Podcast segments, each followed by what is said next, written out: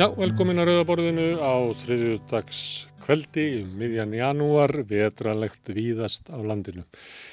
Fjölbreytt efni í þettinum að vanda, svolítið svona þráður í gegnum mannum um fjölmila og kannski Grindavík. Hérna aftast í þettinum þá kemur hann eh, Gísli Helgason til mín. Hann sá um þætti eftir Vestmanega gósið í Ríkjustarpinu á samt bróði sínum húnum Artóri, uh, kvöldust Eija Pistill, var í var margir þættir, 250-60 þættir sem að voru eftir uh, að Vestmanniða góðsið byrjaði og, og fyldi eiginlega fólki alveg þángað til að stór hluti eigamanna snýri tilbaka.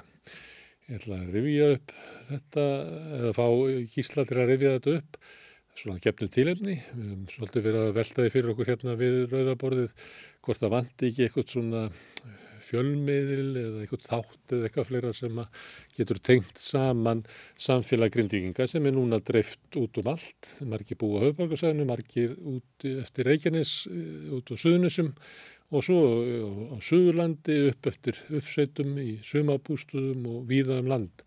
Og þá er einmitt gott að hafa einhvers svona þátt eins og eigapistill var, þó að fjölmjölu umhverfið sé allt öðruvís í dag en var þá en þá er það samt mikilvægt fyrir fólk að geta já, heyrt í öðrum sem er í svipari stöðu og speikla sig svolítið í hvernig fólk tekur á vandanum og hvernig það bregst við þeim raunum sem að grindvikingar er að ganga í gegnum. Uh, ég ætlum að tala við Dagmar Valstóttur sem er gistuhúsægandi í Grindavík og vann á leikskólanum. Ég ætla að spyrja hana um svona hvernig hún upplifir þessa breytingar sem er að verða bæði eh, svona í hennar lífi og hvernig hún upplifir náttúru hanfarinnar en líka svona um samfélagið sem er í upplaust í Grindavík. Og nú er orðið held ég flestum orðið ljóst að, að það verður ekki, mun ekki nást saman ekki á næstu mánuðum og kannski ekki á næstu missurum að það verður langt tangað til að verður byggt upp samfélagi í Grindavík ef það verður gert og orðið ljóst að það verður ekki með sama lægi þannig að samfélagi sem áður var til í Grindavík er að leysast upp. Ég ætla að ræða þetta við, við dagmar og, og við munum alltaf að halda áfram hér á næstu dögum að ræða við Grindvíkinga og, og fá að heyra þeirra upplifun því það er náttúrulega mikilvægast að þessu brúðist við því sem að Grindvíkingar eru að upplifa og hvað þeir vilja. Uh, við getum ekki bara hlustað á almannavarna yfirvöld og ríkistjónina, þetta verður að heyra hvað, hvernig þetta lítur út fyrir grindvíkingum. Það eru fórsættakostingar og ég hef búin að tala við eitt frambjóðanda, Arna Þóri Jónsson kom hérna í síðustu viku. Nú og komið að Sigriði Rund Pétursdóttur sem tilgiti frambóðsitt í fymtusamalinu á kjárvaldstöðun Ég ætla að fá hann að hingað á eftir og til þess að segja mig frá því á hverju hún er að bjóða sig fram og hvernig hún sér fórsetæðanbettið og kannski stöðun á samfélaginu. Hvað er það mikilvægast sem við ættum að vera að hugsa um á meðan við erum að gera upp hug okkar hvernig við viljum fá á bestastæði. Sýður hund kemur hér eftir.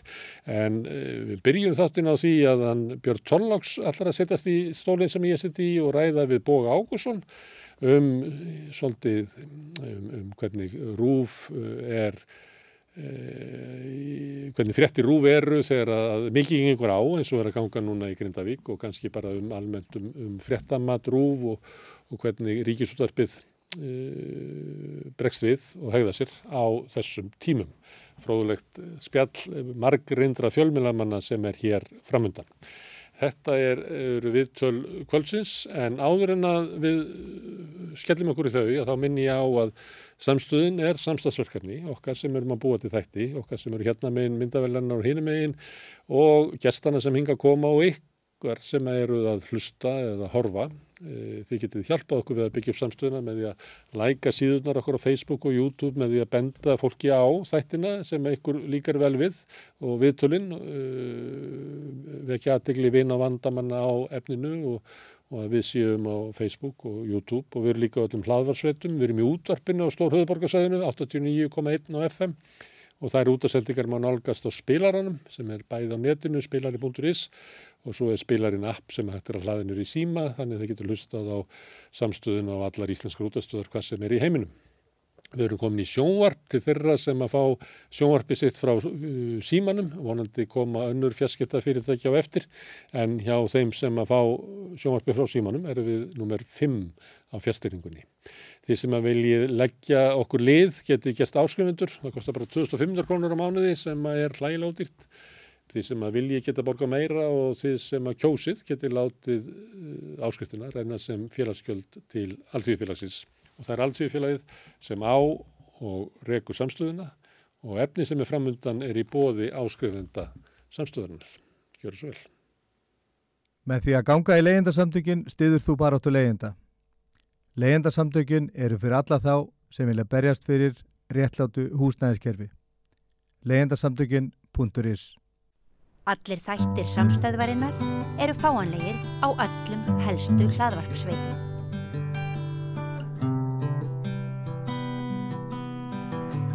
Já, komið í sæl og blessuð. Eh, Smári náttúrulega gammal refur í bladamennsku og hér tveir aðrir gamlir refir í bladamennsku. Eh, velkomin Bói Ágústsson. Þakkaði fyrir Björn. Mér langar að eh, ræða við þig aðeins um þá fréttaþjónustu sem er veitt þessa dagana vegna hamfarana á Reykjanes Skaga. Eh, það hafa svona vakna spurningar um hvort ríkisútvarpið gatt gert betur um síðustu helgi og við ætlum svona að þreyf okkur að ymsum álita efnum í tengslum við þessi mál. En svona til að byrja með þá langar mig að spyrja þig um, hvernig finnst þér yfirvöld hafa þjónustað fjölmiðlana síðan þessir síðari jarðeldar þessar, þessar ógnvænlegu náttúruhamfarir á, á Reykjanes skaga hófust fyrir nokkrum árum? Sko nú er ég kannski ekki allra besti maður til þess að svara þessu að því að ég er skoðin pensionisti og er ekki nema svona stundum uh, að vinna á fréttastofinni þannig að ég hef kannski ekki alveg heldar mynd yfir það Ég get eins og að sagt það að frá því að ég mann eftir sko fyrstu svona verulega alvarlegu náttúruhamförunum á Íslandi eh, sem að eru væntanlega snjóflóðin í Súðavík mm. þá hafa yfirvöld lært mjög mikið.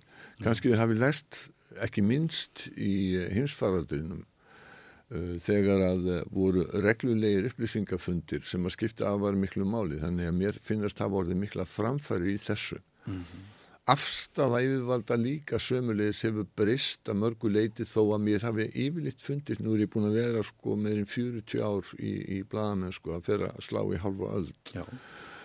Uh, afstafa yfirvalda hefur líka brist talsveit á þessum tíma þó að mér hafi alltaf fundist að svona yfirmenn uh, lögreglu og annar yfirvalda, slakkulis og annar hafi haft nokkuð þokkalega skilning á, á því að, að, að bladamenn þurfi að hafa aðgengi og möguleika á að fjalla um atbyrðina að þá hafa oft verið sko þeir sem að hafa stjórnað á vettvangi mm -hmm. það kom fyrir og kemur efalítið fyrir enn eh, og það gerir það já að þeir svona fái allt í enn á tilfinninguna þessu fréttastjórar og eigi að ráða hvernig eigi að fjalla um atbyrjun og hvað megi mynda á fjalla um. Uh, mannst eftir þegar var við að flytja flótamenn uh, í, í burt og uh, það átti að mynda þessur og kepla ykkur flugulli að þá tóku einhver sko minnisbámaður upp á því að, að, að, raða upp bílum með sterkum ljósum þannig að það verður ekki hægt að taka myndir. Já. þetta gerist ennþá. Já. og þetta er náttúrulega algjörlega Eh, út í hött að, að, að, að einhverjir ennbættismenn eða hver sem það var í þessum tilfelli ætli sér að taka ákvörðunum það hvað megi mynda á, á landinu. Já. Það verður að trista bladamönnum landsins til þess að velja hvaða er sem er byrt. Nú ætlum ég aðeins að stoppa við þetta sem þú segir. Það verður að trista bladamönnum landsins eh, fyrir því að þeir hafi dóngrenn til þess að ákveða hvað sé byrt og hvað ekki. Ríkisúðurfi lendi sjálft í því núna bara fyrir nokkrum vikum að ljósmyndar á ykkar vegum mm. honum verður væga sagt það á að reyna að komast inn í hús uh, það næst á eftirlitsmyndavel að hérna hann reynir að komast inn í hús í Grindavík að þér virðist til þess að, að ná betri myndum eða eitthvað, ég, ég veit ekki. Uh, þinn fréttastjóri, hann byrst afsökunar á því en sumir hefðu einmitt talið að sko ríkistúrpunum væri hreinlega bara betur treystandi ef ef þeir hefðu tekið fastar á því máli. Ég veit ekki alveg hvað áttu að taka fastar á. Er, er bladamönnum alltaf treystandi? Ég veit ekki alveg hvað áttu að taka fastar á. Að reka mannin áttu við. Eh, Sko svörin sem voru gefin á hálfu stofnunarinnar, þau voru ekkit allt og sannfærandi, fannst mörgum. Ég, ég veit ekki alveg, sko, nú veit ég, aftur verði ég að vísa til þess, ég þekki ekki þetta mál til hlítar, það er orðið daldið langt sen að ég var fréttastjóri og stjórnaði því hvernig ég var tekið á svona málum ef að þau hefðu komið upp. en ég sé í fljótu bræði ekkert að uh, þessum uh, viðbröðum. Maðurinn sem að hér á uh, í hlut, hann baðast afsökunar, hann saði að þetta hefði verið domgreindar brestur hjá sér, Ríkisútvarpið baðast afsökunar sömu leiðis. Uh, ég veit ekki hvað það er sem hefði verið hægt að bregðast öðruvísi við heldur en með því bara einfallega að uh, segja mannum upp. Það, er það það sem þú ert að kalla eftir? Það fellur blettur á tröstið við hvert svona atvik ekki satt. Það er ekkit hvert svona atvikbjörn. Þessi atvik eru mjög, mjög sjálfgef. Ég vil benda þér á það að samkvæmt öllum könnunum að þá nýtur ríkisútvarpið langmest tröst íslenskar fjölmiðla og ég held í fram að það sé sangjant. Ég held í fram að það sé eðlegt vegna þess eins og ég sagði ég hef búin að starfa þarna í næri hálfaöld og ég veit það að við tökum Uh, og það er það fólk sem hefur uh, tekið við uh, keflinu af mér tekur þessu mjög alvarlega þessu mikla hlutverki sem að ríkisútvarpið hefur og við erum við erum með nokkuð strángar vinnureglur um hvernig við megum uh, hvað við og hvernig við eigum að vinna. Og uh, svo ég sé sko vísi í það og það má svo sem segja að að ljóðlínur einar spen svona kjarni þetta dálítið aðgátt skal höfði í nærveru sálar. Uh, það er það er orð eins og sangirni heiðarleiki sem að eru alltaf höfði í huga í umfjöllun okkar og fólk veit það líka að ríkisútvarpi er ekki að ganga erinda eins eða neins, við erum ekki að ganga erinda stjórnmálaflokka, peningabla, við erum að ganga, það er bara einn aðili sem að við, erum að, við, við erum að vinna fyrir og það er almenningur í landinu sem eru eigendur ríkisútvarsins. Fólki er þetta mjög ljóst, auðvita koma undantekningar, auðvita koma einstaklingar sem að passa kannski ekki alveg inn í þessa uh, þessa, uh, þennan vinnustad og þessa mynd. Og uh, ég mann til dæmis eftir einu sem ég er sjálfur einu sinni sem að fór síðan yfir í annað embætti og hann var alltaf búin að vera í því embætti nema í hérna nokkara daga þegar hann lísti yfir sko að, að hann sæti undir loftáru sem ríkisútafsins sem hann vissi að hefði átt að vita af, af, af reynslu sinni af starfsim, að, að því að vinna inn á þessari stofnun að var bara út í hött Hver var við þetta? Erum, við erum ekki Hver- hver var þetta? Hver skrifaði um loftárosi ríkisútvarsins þegar hann var orðin fórsættis á þeirra Já, já, það kann að segja mjög Davíð. sko, sko, við erum ekki í því að skrifa fréttir í öðrum tilgangi en þeim að, að, að upplýsa almenning um það sem að við teljum að almenningur hafi áhuga á og, og beri að vita og hafi rétt á að vita. Við erum ekki að skrifa fréttir til þess að koma einhverjum illa eða koma einhverjum vel. Það bara gengur ekki þannig fyrir sig og allir sem að hafa unnið á fjölmennum þeir vita að svona gerast kaupin á erin ekki. Þannig að auðvita mönnum verður ástundum en e, það er mjög sjálfgeft og þess vegna nýtur ríkisútarsins þess tröst verðskuldað að mínum að til vegna þess að við erum að þjóna almenningi og almenningur veit það. Ég meina það er sko 75-80% þjóðarinnar sem að treyst okkur.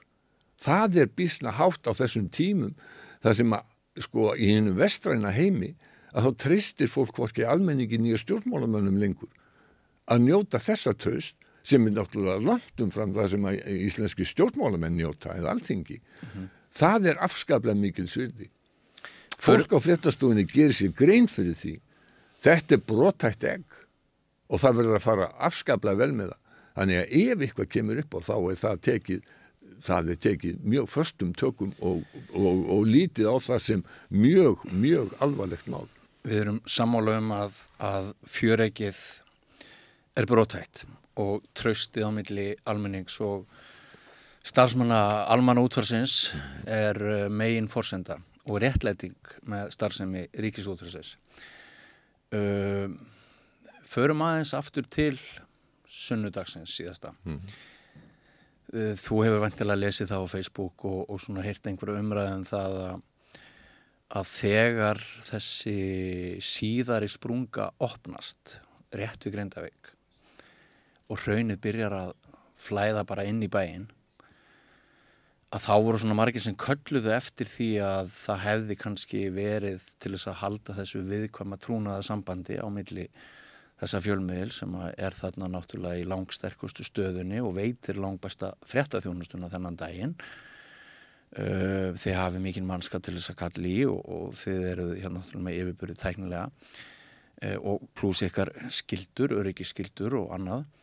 Að hérna það eru margir sem hafa nefnt að það hefði kannski verið full ástæða til þess að uh, hafa bara samfælda frétta útsendingu í sjónvarpi á meðan þessir, þessar svakalegu myndir voru í loftinu. Mörg okkar hinn að við fylgdumst með hrauninu fara þarna yfir húsinni Grindavík á Rúf 2 hljóðmyndin við það var uh, frétta á dasgrágerða fólk að taka einhver viðtal viðtöl, uh, það voru auglýsingar uh, hressar auglýsingar. Og þetta var svolítið svona surrealist sko, að þarna ertu með eitthvað sterkasta myndefni Íslandsögunar í beitni en þú ert ekki með alvarlega fréttaþuli með mikinn aldur og reynslu sem að, sem að lýsa þessu þarna lið fyrir lið. eh, eftir á að higgja hefði ríkisúþarpið átt að taka þá ákverðin þarna. Uh, þetta, er, þetta er um háti í spilið sem að síðar í sprungan opnast. Að fara bara í órofna beina útsendingu í staðis að vera með um, auka fréttatíma sem var ekkert allt og langur ef, ef við mann rétt eða hvort þið voru tveir. Uh, bara upp á þetta sko það að fylgja þessu myndefni einhvern veginn þannig úr gardi að fréttasagan myndi minnast þessara miklu atbyrða og heimildir er, hefðu orðið öðruvís en, en raun bara vitni. Ég veit ekki hvort að heimildirnar eh, hefðu orðið eitthvað öðruvísi. Ég, ég, ég, ég raunverulega þekki ekki þessa umræðu. Þú fyrir ekki auðvitað, ég bara bara þekk hann ekki sko. það kann að vera vegna þess að ég fylgist ekki nægilega vel með umræðu á, á, á þessum miðlum mm. uh, aukafréttatímaði voru þrýr ef ég maður rétt og það er, það er, það er útsendingar í útvarpi, það eru útsendingar í sjónvarpinu sko Ég, þekki hins vegar aðra umræðu sem var um það að afhverju sjónvarpi byrjaði ekki bara beint á aukafréttatíma þegar að, þegar að, að e, Bergstein tilkynnti það í umræðu þætti í sjónvarpi að það væri hafið eldgós og það kom að háværa kröfur um það af hverju útsendingin hefði ekki verið rofinn þá. Þú ert að tala um 18. desember. Ég er að tala um það að hérna, af hverju það hefði verið haldið áfram umræðu þætti sem að var hérna, í, í, silfriðinu hefði verið haldið áfram. Sko fólk verður í fyrsta lega að gera sig grein fyrir því að þetta kemur fréttastofu og, og, hérna, og fréttamönnum jafn mikið óvart og öllum öðrum þegar þetta gerist sem er svona cirka 20 myndur yfir 10 eða hálf 11 að kvöldi eh, að þá það er vakt á fyrstastofu Ríkisútarsins allan sólarhingin og það er tekin við eh, kvöldvakt og næturvakt á þessum tíma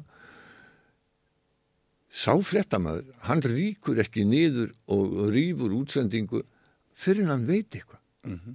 Við verðum að afla upplýsinga áður en að við, við getum farið að segja eitthvað og Bergstedt fekk þær upplýsingar og kom þeim á, á framfæri og fara að skammast út í fólk fyrir að, hérna, að gera eitthvað sem er, eh, sem er já, ómúlegt.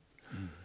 Uh, auðvitað bregst fréttastofan við eins hratt og mögulegt uh, er en það að, að fréttamenn og ríkisúttarpina þeir hafi einhverja sérstaka hæfileika til þess að vita nákvæmlega án þess að ringja, afla upplýsinga, fá sérfræðinga, fá viðust, sérfræðinga á viðustofunni og, og uh, aðra, fólk á, á, á, á staðnum. Það verður að afla þessar upplýsingar, það veist þú ég vel og, og ég sem, sem, sem gammal bladamæður. Það má alltaf deila um viðbröð við uh, einhverjum ákveðnum plutum en það er stöðu bein útsending á því sem er að gerast á, á sundeginum og eins og ég segi, ég man ekki betur en það hafi verið þrýr aukafréttatímar. Ég fylgist ekki með útsendingunni í útvarpi þannig ég geti í rauninni ekkert tala um það. Og mér finnst svona dálítið svona bara ósangjant að fara að kenna uh, ríkisútvarpinu það hvaða auðlýsingar hafi verið kiftar inn á einhverjum ákveðnum tíma og ætlast til þess að þær passi nákvæmlega við það sem er að gerast í samfélaginu. Það hefði náttúrulega verið hægt að losna við þær sem að fylgdu hljóðrásinni á, á hérna í sjónvarpinu á stöðu 2 ef þú, ef þú ert með samfélta frétta útsending og það er kannski það sem ég er að segja sko. Við áttum okkur alveg á því að það þurfti sko, að samfélta frétta útsending, samfélta frétta útsending fólk heldur að þetta sé bara eitthvað þú talaður um að við höfum mikið mannskap. Nei við höfum ekki mikið mannskap. Frestastóð ríkisústas er ekki fjölmennasti vinnustæðu bladamann á Íslandi. Ekki ennþá, er ekki ennþá þeir tímar Við erum búin að vera með allt undir núna. Mm -hmm. Við er... erum, sko, fólk verður líka að fá að sofa og fá frí. Já. Við höfum ekki, sko, mannskap sem við getum hendinn og, og hérna og verið í stöðugur útsendíu ég man, ég, sko, ég man svo, svo, svo langt aftur. Ég man eftir þegar við fórum fyrst í svona eh, eiginlega beina stöðu og útsendingu án þess að vita almenlegum atbyrðin og það er bara mjög erfitt. Mm -hmm. Það sem að ég er að vísa til er 17. janúar 1991 þegar að bandaríkjaman uh, eh, eh, réðust á Írak í, mm -hmm. í, hérna, í Persaflóastuðinu fyrra. Bush eldri fósiti uh, eh, eftir að Írak hafði her, hernum í Kuwait. Hver, hver, hver, hverju voru þá með, með akkerið hjá ykkur? 91 í, í þeirri útsendingu Ég gerir á því að ég hef nú verið eitthvað á skjánum sjálfur sko. Mest Hugsaðlega, en ég var það líka 2001 Já. og það er mjög erfitt að sitja þarna þegar þú veist og þú verður að fá upplýsingar stöðugt vegna þess að sá sem er á skjánum mm -hmm. hann veit í sjálfu sig ekkit meira heldur en maðurinn sem að sittur og horfið á hann mm. það er hérna en hann er að sjálfsögðu með batteri á bakvísi sem að er að móka í hann fréttum. Það vissi, þá, það vissi enginn í heiminu hvað var að gerast, það vissi allir að það var eitthvað alvarlegt að gerast. Já. en nákvæmlega hvað var að gerast vissi enginn. Og svo ég vísi aftur í þetta 1991 að þá lendum við því að við erum í stöður í langri útsendingu. Svo fáum við það í hausin annan atbörd sem að við þurfum að taka inn í þá útsendingu sem að það að Ólafur Norriskonungu lést. Mm. og svo en þá setna um daginn þá kemur heklugos þannig að veist, svona, svona hlutir geta gerst.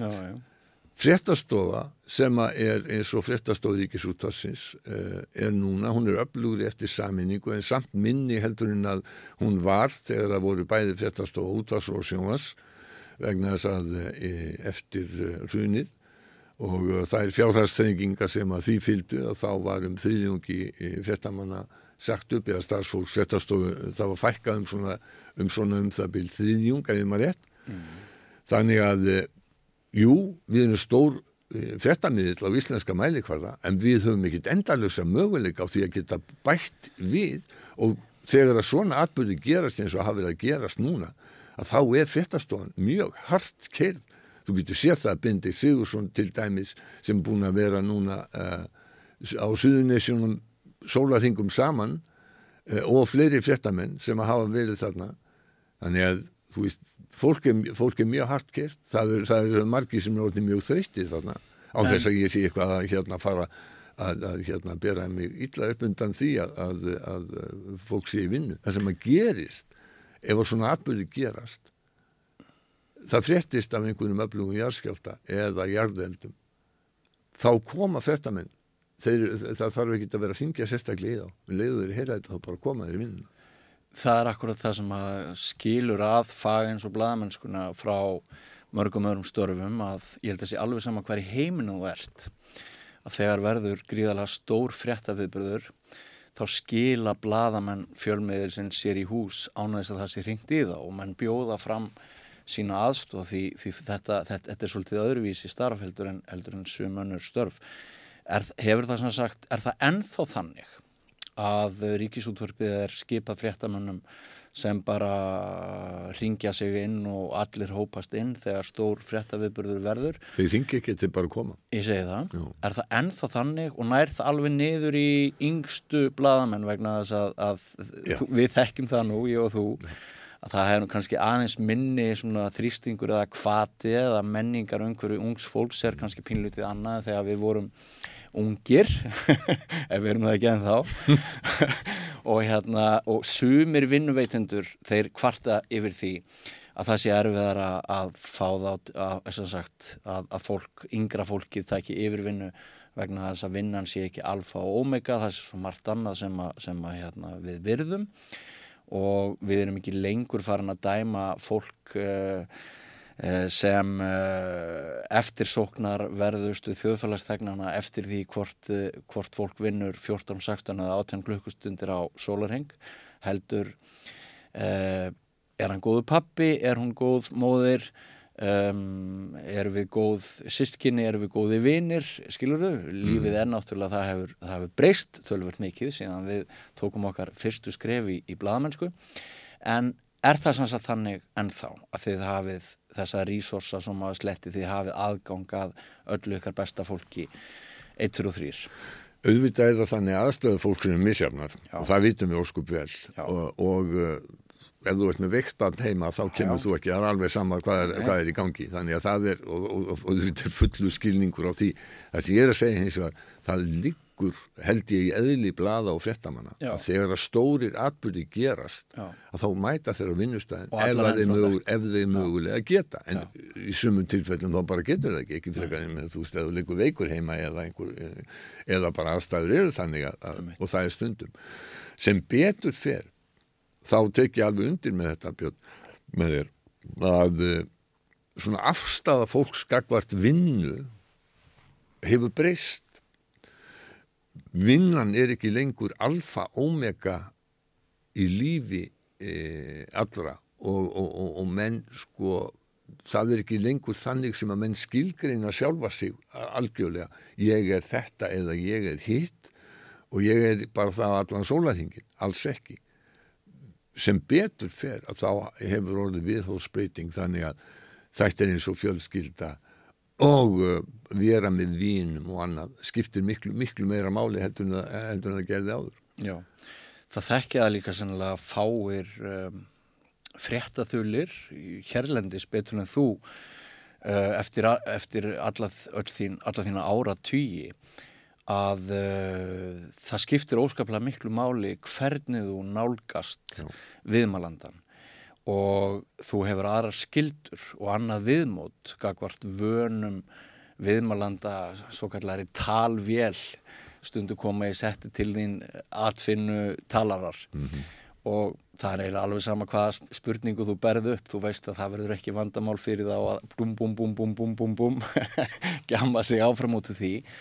En uh, nú erum við að tala um mjög svo svona viðkvæman hóp Já, sem eru náttúrulega grindvíkingar og, og, og, og það eru mjög margir sem eiga um sárt að binda. Mm hvernig finnst þér ganga hjá íslenskum fjölmiðlum að uh, halda utanum þessa atbyrði og af því að við byrjuðum áðan á, á því svona hvernig þér finnist uh, yfirvöld uh, hvaða skilning uh, þau hefðu á hverjum tíma á því að það er fjölmiðlafólk sem er milliliðurinn við almenning uh, öryggislutverk uh, bladamanna og fjölmiðlamanna er, er, er, er líkilatriði í þessari keðju hvað varðar það að, að bladamenn eru farvegur upplýsinga uh, sem þarf að miðla áfram, geta og bjarga margóft mannslífum þessar upplýsingar. Hvernig finnst þér svona nú á tímum það er náttúrulega er komið svolítið sprunguþreita í fólk hvort sem það er lögregla björgunarsveita menn eða hvernig það er. Við, við sjáum fram á óbúslega ótryggt og erfitt ástand. Land er aftur að byrja að rýsa bogi núna. Við erum að tala saman hérna. Það er valla kólnuð, kólnuð glóðin í síðasta gósi, land er aftur byrjað að rýsa, það getur verið komið annað eldgós eftir nokkra daga. Engin veit hvort, hvort hraunspíunar spítast upp í miðri Grindavík eða hvar það verður næst. Uh, hvar finnst þér við standa í þessu máli í dag? Sko ég held að sé alveg ljóst að það reynir að mörguleiti á þjóðina Já. meira núna heldur en að ég man eftir frá því fyrir 50 árum þegar að eldgósi var í Vestmanni á heimæ. Það, og það er algjörlega harrétt hjá þér að eh, þjóðin og sérstaklega grindvikingar eh, eru í einhverju stöðu sem að er mjög, og fyrir, fyrir, fyrir okkur hinn sem ekki búum í Grindavík.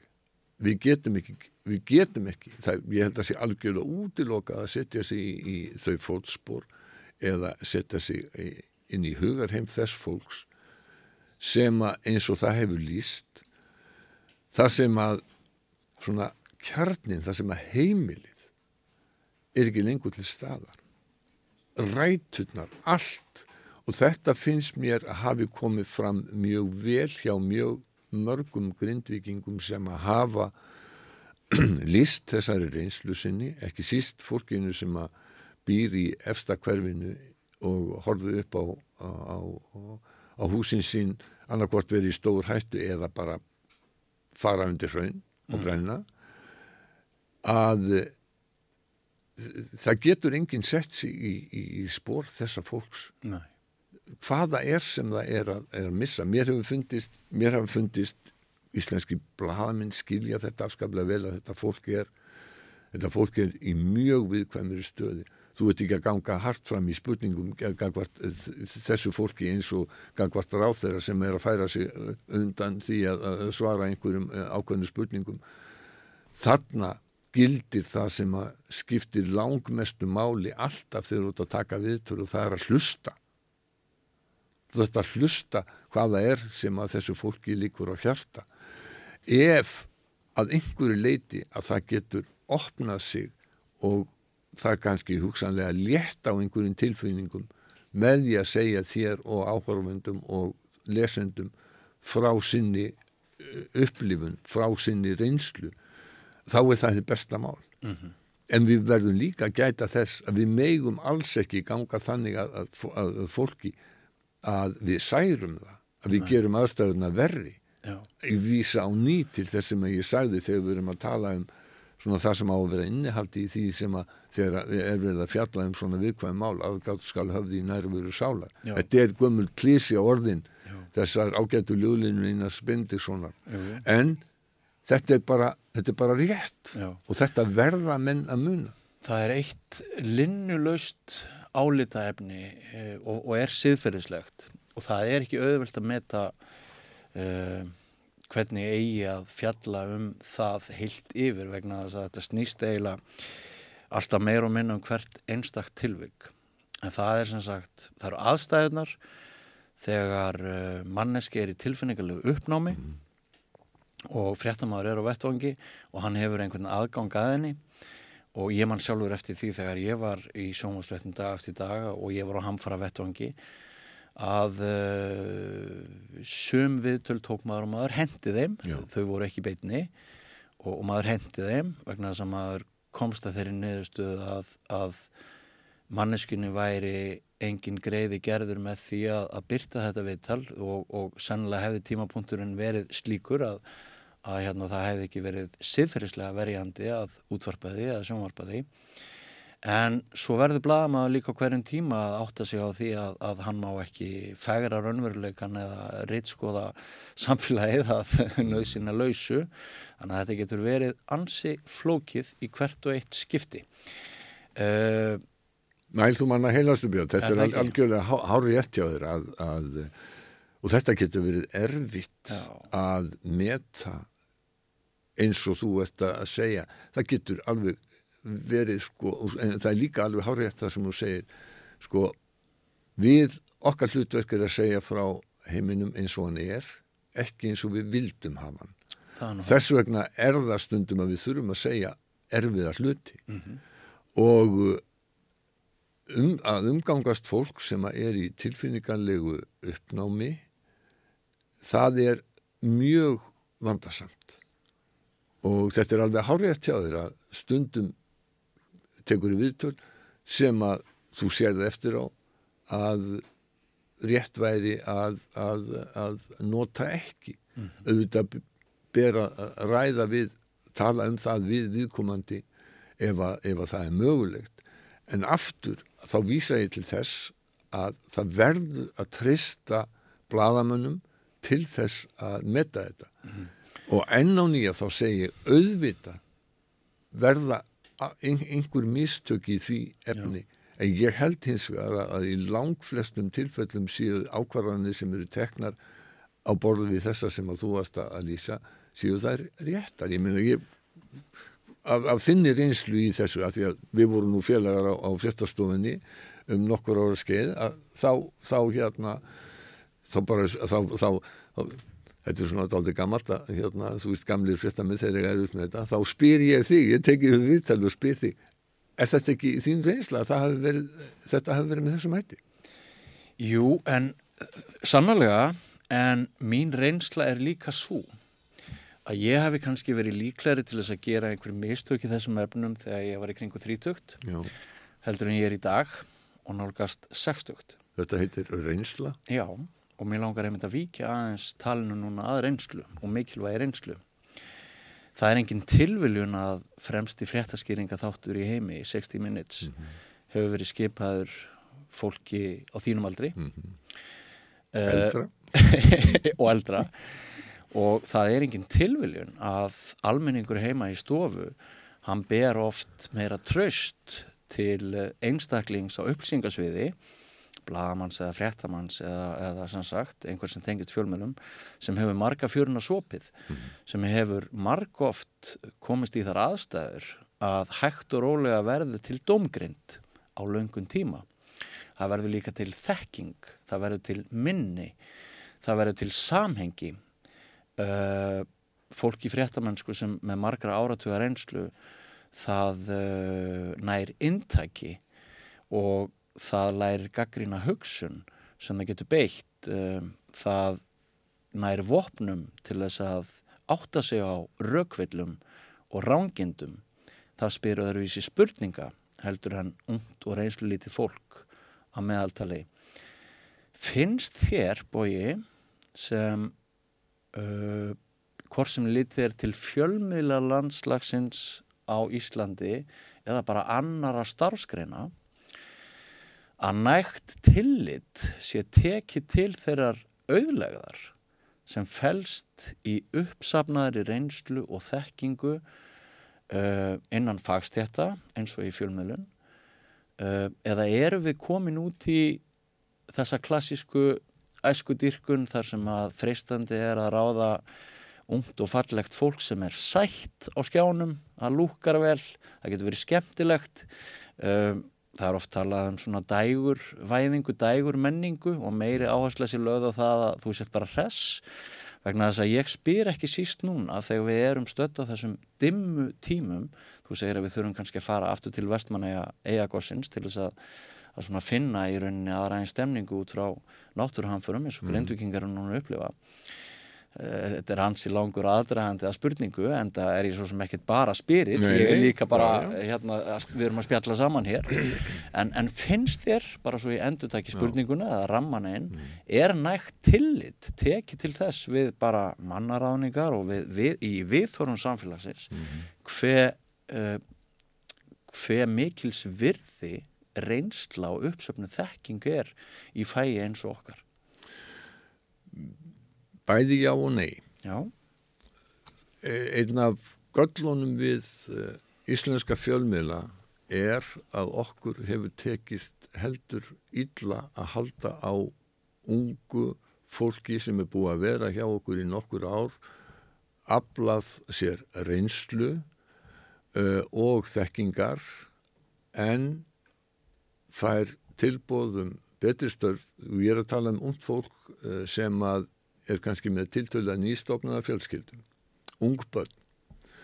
Það er erfitt fyrir slíkt fólk að standast það ef það kemur einhver banki, ofinberstofnun eða fyrirtæki sem að vantar eh, fjölmiðla fulltrúa sem að býðu þér vinnu frá 8 til 4 eða 9 til 5 og svona hugulega vinnuðastæður og miklu herri lögin, enga kvöldvinnu og ekkert um helgar, enga vaktavinnu. Það er erfitt að standast þetta fyrir, fyrir fólk sem að aftur svo í þú varst að segja á að, að, að, að hérna, að svona mat fólks á hvað er mikilvægt hefur breyst og mm. fólki finnst fjölskylda skipta meira máli núna heldur en til dæmis var áður. Mm.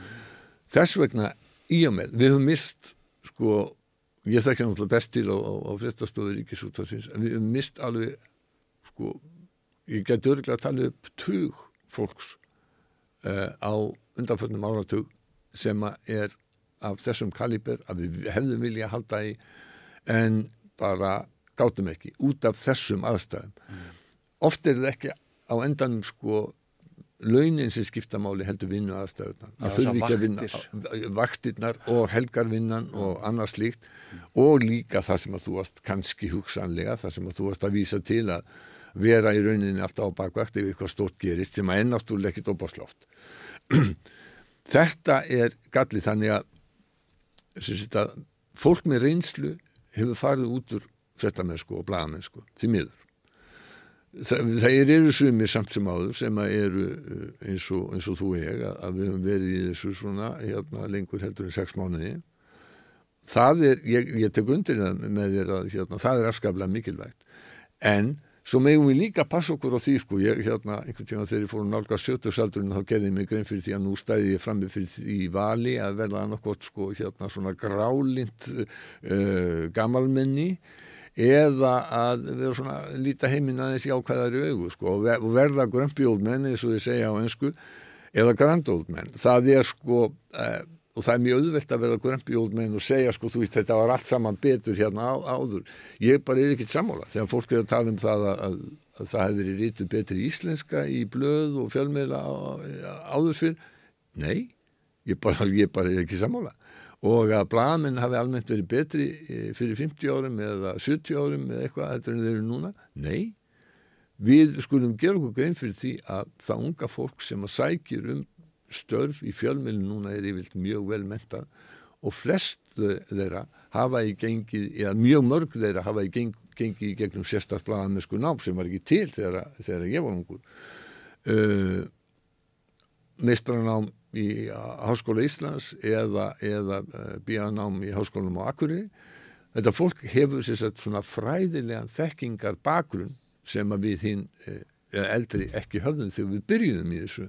Já Vandi fjölmjölastéttarinnar verður samt alltaf sá að mm. þú þart ekki lögildingu til þess að verða blaðan. Nei, þú, þetta er alveg svo menn segja í Íþróttum sko að hérna að, að, það er líka svona, þú veist, það er alveg sama hvað þú æfir mikið og hefur ekki hæfileikana þá getur ekki orðið virkilega hérna fram úr skarandi í, í, í, í Íþróttum og það má svo sem segja sko, þú veist, ef þú hefur ekki fetta nefn þó ég vil ekki líka sér alveg saman, ef þú hefur ekki þann áhuga á samfélaginu og að segja frá sem að nöðsynlugur er að þá, þá er alveg saman hversu mikið þú mentar því, þú getur sko fimm háskólagráð á þess að, á þess að, hérna, á þess að það verði til. Bara svo ég hérna grínist aðeins með þetta. Þegar ég var frettastjóri og var að fá umsóknir sem er orðið ansið langt síðan en þegar ég var að fá umsóknir frá fólki þá grínaðist ég stundum með það ef að mín eigin umsókn frá því að ég var þarna háskóla nemi að sækja um væri í þessum bunga, ég hef ekki tekið sjálf mig í viðtal. Vegna þess að þetta fólk e, e, hefur svo miklu meiri kvalifíkasunir og, og, og hendur en ég hefði akkurat þegar ég sótti um að komast inn í þessa stjætt og komst. Þú myndist á fréttanef þú ert náttúrulega stopnun innan Íslands. Þú ert, þú ert með andlit sem að sko fjögur af fimm ára gamli krakkar þekkja og hérna þú er búin að vera það lengi á skjánum hjá okkur og, og ég held að ég mæli nú fyrir hönd flestra þegar ég segja að, að flestum íslendingum þykir nú vænt um, um, um þitt andlit. Og, og mann eins og mér þykir vænt um það að uh, þitt andlit séan á skjánum, ég hérna fagna því. Uh, hvað er það sem að býr til þetta frétta nef sem þú nefndir?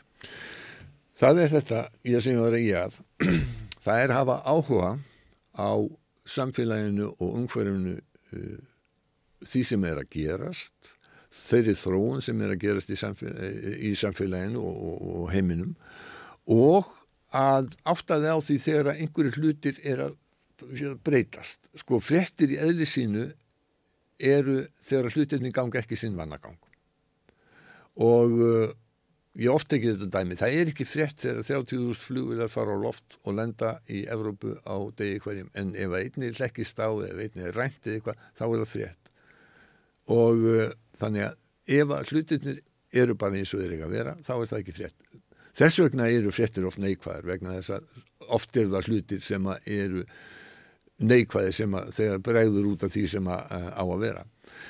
Uh, hins vegar eru langmest af fréttum eru svona ákveðna rútínu fréttir. Það eru til dæmis það eru kostningar hér eða þar eða annar stað það eru þingfundir og það kemur eitthvað fram það er lagt fram fjárlega frumvarp þetta eru hlutir og ég vil líka tekið á menningarsviðinu það er frumsýnt nýtt Íslands leikrið í þjóðleikúsinu við fjöldum um það þetta eru, getum við sagt fréttir sem er ekki í sjálfu sér atbyrðir mm.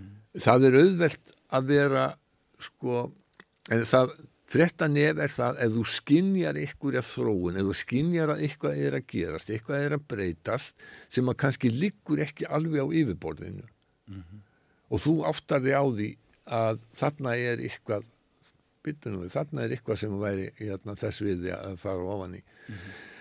eh, en svo er sko það stundum talað um vald og appfjölmiðla og uh, er, því eru hins vegar takmörk sett eitt af því sem að mér hefur fundist mest lýsandi af sko af hríkalu óréttlæti sem að viðgekst í bresku samfélagi sem, þetta er nýlegt dæmi sem að menn vissu um og gerðu ekkit um það, var, það voru málsóknir gegn post, útibúrstjórum í posthúsum í Breitlandi sem var varpaði fangelsi vegna þess að tölvukerfis hérna hjælti fram að það hefði verið að stela peningum upp í 20.000 upp í 100.000 pund þegar það var tölvukerfi sjálft sem hafði klikkað. Við erum að tala um sko, við erum að tala um næri þúsund manns sem að voru lögsótt og yfir 700 sem fengu dóm, margi sem fór í fangelsi eh, samt sem að komið upp að það var eitthvað að tölvukerfinu Private Eye byrjaði að skrifa um þetta fyrir mörgum, mörgum árum, vandaða greinaflokk og síðan er koma fleiri hérna, frettir um þetta, það, e, það er skrifuð heil bók um þetta. Þetta kerfið í sjálfur sér á að þekka þetta. Það er ekki fyrr en að ITVF, sjálfstæða uh, e, sjómastöðunni í Breitlandi, gerir leikna þáttaröð mm -hmm. um einstaklingar sem lenda í þessu sem er syngt núna um, yfir hátíðarnar í Breitlandi sem þetta virkilega kveikir í öllu bresku samfélagi þegar fólk átt að sjá við erum að tala um einstaklinga mm -hmm. við erum að tala um og það er sko hvernig óréttlæti bytnaði á einstaklingum fólki sem að allsaglust er sett í fangelsi. Líf þeirra er lagt í rúst. Þetta var, getum við sagt svona þetta var þekkt, þetta var vitað, stjórnmálumenn vissu þetta eh, en það var ekkit, sko það voru ekki þau viðbröð í samfélaginu sem að urðu þegar að fyrir, fyrir að það er gerð leikin þáttar. Sem, sem, sem er sko, þú veist, ég held að ég hef ekki séð hann að vissu, ég held að hvert orði henni sé satt sko það, það, það, það er, er einhvern nýgað með, með, með e, svona, hvað gerðist. Þetta er, þetta er mjög sláandi dæmi um það að sko að valdi frétta í sjálfu sér geta það sem ekki takk náttúrulega enda er það mín skoðun að fréttamenn eigi aldrei að líta svo á að þeir hafi ykkur vald. Þeir eiga aldrei að líta svo á að þeir séu að skrifa frétti í einhverjum ákveðnum tilgangi öðrum heldur en að upplýsa lesendur eða hlustendur eða, eða áhörvendur eh, það er enginn sem að hefur kjörið uh, eh, fréttamenn ríkisútvarsins til þess að hafa áhrif á samfélagið. Það er enginn sem að, að sko, með ríkisútvarpi er öðruvísi til dæmis heldur en morgunblæða þýliturinn til að fólk gerist að fúsum og frjálsum vilja áskrifanda morgunblæðinu. Mm. Það getur sagt því upp eða róanætna. Mm. Það er ekki hægt með ríkisútvarpi. Það gerir skildur ríkisútvarsins miklu meiri. Mm. Við megum ekki hafa neina leiðara Moggi má hafa leiðara við megum ekki hafa leiðara af því að við eigum ekki að hafa aðra stefnu heldur en þá að segja fréttir eins, eins eh, hlutlust og, og, og, hérna, og hlutlægt eh, á, á, á, og sangjörn og heiðarlegan hátt og við mögulega getum. Það er, það, það, er hlutverk ríkisútvarsins Já, á sama tíma og hlutverk ríkisútvarsins er að nokkur leiti bundið í hennu svo kallaða varaþunds hlutverki eins og eftirlits og aðhalds hlutverkið er kallað. Og það verður náttúrulega, það ætti alltaf á alla dag ásins ætti að fara fram og vonandi fer hún fram fagleg og dýnamisk umræðan um það hvenar aðhalds og eftirlits hlutverkinu er synd með hæfilegum hætti? Já, sko. Að vera faglega hlutlegur við vitum það svo sem hérna bói á löngum ferli að, að, að það getur verið mat eins en ekki annars þess að situm við hliðin á þér. Í hverju fælstinn faglega hlutlægni? Já. og hvenar er skilda bladamannsins til þess að að sinna þessu eftirlits og aðhaldshlutverki af örlíti meiri krafti heldur en var gert í gær þetta er svo sem ekkit einfalt Nei, nei, það er það ekki. Þess vegna í því líkur styrkur sko rítstjórna. já, Það sé meira heldur en einn maður sem að, uh, sem að tekur ákvörðun uh, já, í þessu. Það sé, það sé góð fagleg rítstjórn og góð fagleg umræða uh, um hlutverk uh, miðelsins og, og, og, og, og hvað ber að gera. Það búið að vera mjög gaman að fá þig til þess að hérna hugsa, já, fá að hugsa upphátt með þér og, og við tveir að hugsa upphátt um, um hérna þessi mál. Það er hérna vonandi sjá áhorfendur einhvern akk í því. Uh, er, um, ertu, er komið að því að, að sko þegar ég vann á rúf, Mm. þá mann ég að það var til sko uh, sérstök aðgerð sem hétt Katla.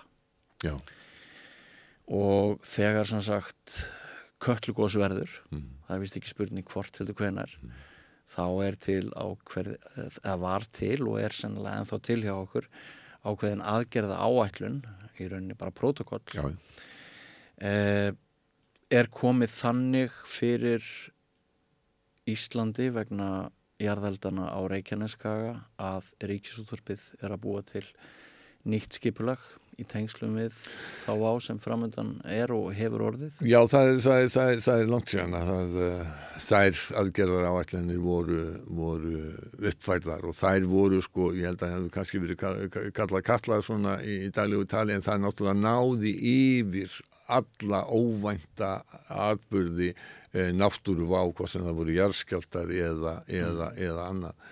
Og þetta hefur alltaf verið til eh, mismunandi formlega. Og það, þessi, þessi, þetta hefur verið útfært núna á, á hérna á uh, svona síðari árum. Reynslan kemur inn í þannig að já, það er, það er til mjög, mjög hérna uh, mjög nákvæm og góð áætlun. Það var ekki til þegar, þegar hérna uh, ég var að byrja í þessu þú ert nú talsveit yngri björn en hérna að þjóðast að vísa aft, áðan til sko til reynslunar og uh, þess hvað hún skipti miklu máli og uh, þá þegar ég fór að nálgast það að verða 70 og, og, og, og vita að það er formlegu starfslokki á ríkisúttarpinu þá fór ég svona kíkja í kringum mig eftir, eftir hérna, já, svona, fór að taka meira eftir fréttum sem að fjalluðum sem voru skrifaðar af, af svona reynslu miklum blagamönnum og ég tók til dæmis eftir því að, að hjá BBC að þá hafa þér haldið í, hérna, í svona gamla kalla, svona meira verið gamli kallar heldur en, heldur en hérna, eldri konur. Uh, en uh, þannig til dæmis að hérna, David Dimbleby hann ákvaði að hætta að vera með uh, vikulegan þátt sem heitir hérna, Question Time sem er, hefur í sjónvarpinu uh, vegna þess að hann sagðist alltaf að snúa sér aftur af almennri dagskrafgerð og blaðamennsku þegar hann í áttræður í Já. besta mál Já. og varðandi hérna 60 minutes hjá CBS eins og þú sagt sko þá fólk hættir ekki þeim þætti það deyr úr honum Já. Búi, ef við ekki bara hafa þetta loka orðinni okkur í dag. Já. Kæra þakki fyrir komuna og ykkur áhörundum þakka ég fyrir að eh, hlusta á okkur eða horfa á okkur í þessu spjalli. áfram og yfir. Húsnæðiskostnaður tegum meira en helming á ráðstöðuna tegjum verkafólks í eblingu. Hvernig er þetta réttlæta það? Ebling stjættafélag. Segðu það á samstöðinni.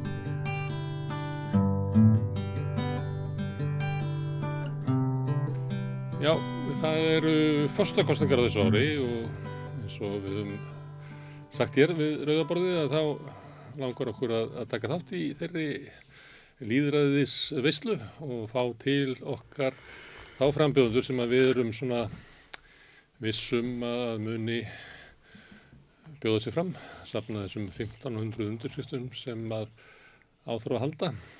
En Arnar Þór Jónsson kom hérna í sístu viku og hingaði komin Sigriður Hund Pétursdóttir, fórstofrumöndi. Þú mynd bjóða þig fram, eða ekki? Ég mun gera það. Má, ég spyrja af hverju? Af hverju? Að því ég get það. Já, Ég er svo heppin að búa í landi þar sem að ég get það. já. En það á við marga, ég geti það en ég ætla ekki að gera það. Já, af okkur ekki. Æ, bara þetta, ég held að séu aðri betri í þetta djópa en ég, svo. Já, ég. Já, þú hefur komist að því að þú væri góð í þetta storf. Það hugsa ég. Og ég er alveg til að, að þjóðin meti það.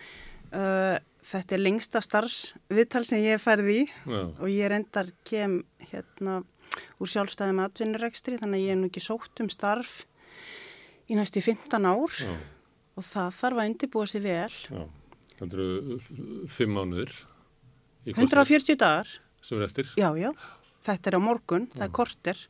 Ég talaði við hann hérna, eh, núna bara strax eftir áramótin talaði ég við hann Andra Snæ Magnason sem er einn af fáum sem að hefur reynd þetta, sem Mhm. Er út að fara að leggja af stað. Já.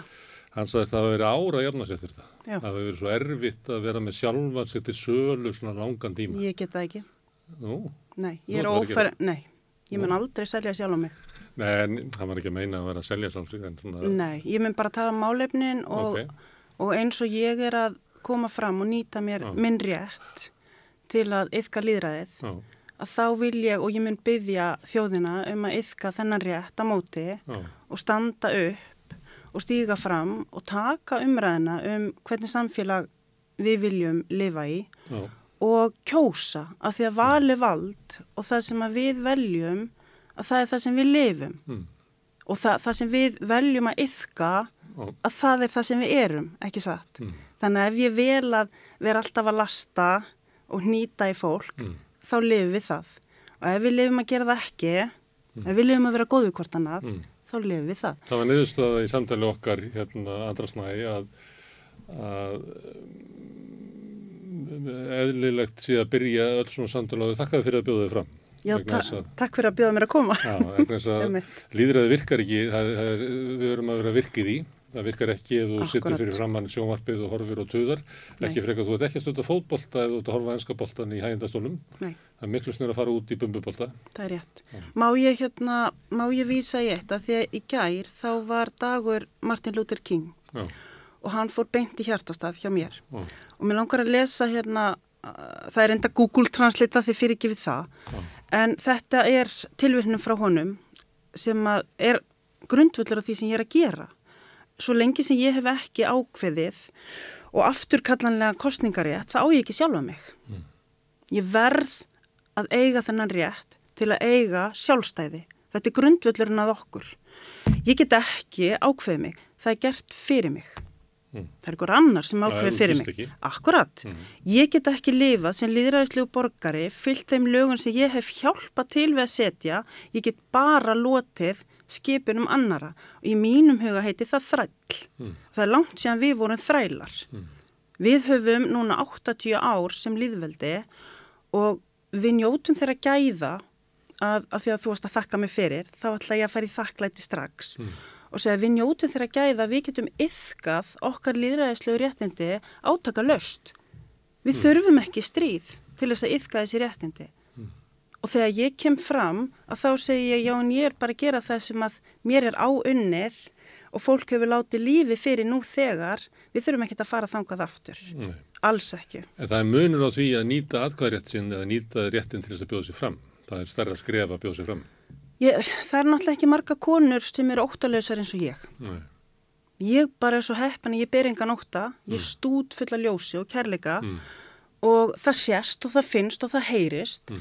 Og það er annað af því að ég stend fyrir þrennt, það er líðræði tjáningafrels og jafnræði.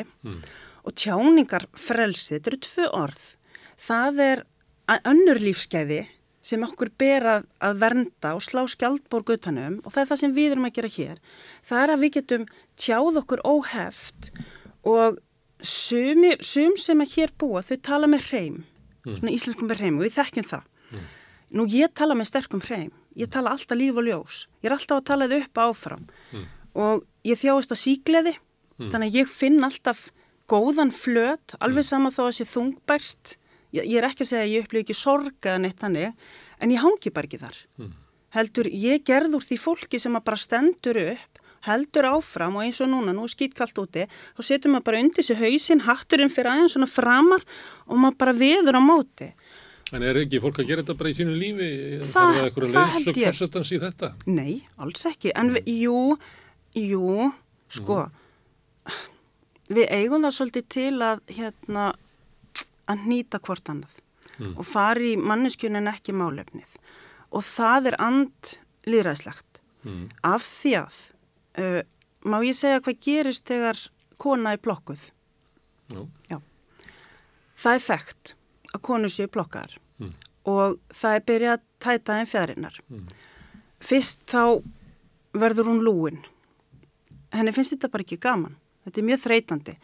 Íslenskar konur, sérstaklega íslenskar konur, það eru ofbóðslega duglar. Það taka að sér ofbóðslega mörg hlutverk, eh, eiginlega of mörg og sinna þeim vel. Svo kemur þessi samfélagslega þjónusta í sama hvaða form hún er, hún er svona eins og ystalægið og þar erum við hvað óvægnust og ráðumst hvað harðast að. Uh, síðan er ránin þreytt að þá í rauninni verður hún óhæf til flugs. Og hún missir hæfileikan og lönguna til að fljúa og það er vond fyrir samfélagið af því að þá erum við búin að missa mannesku út.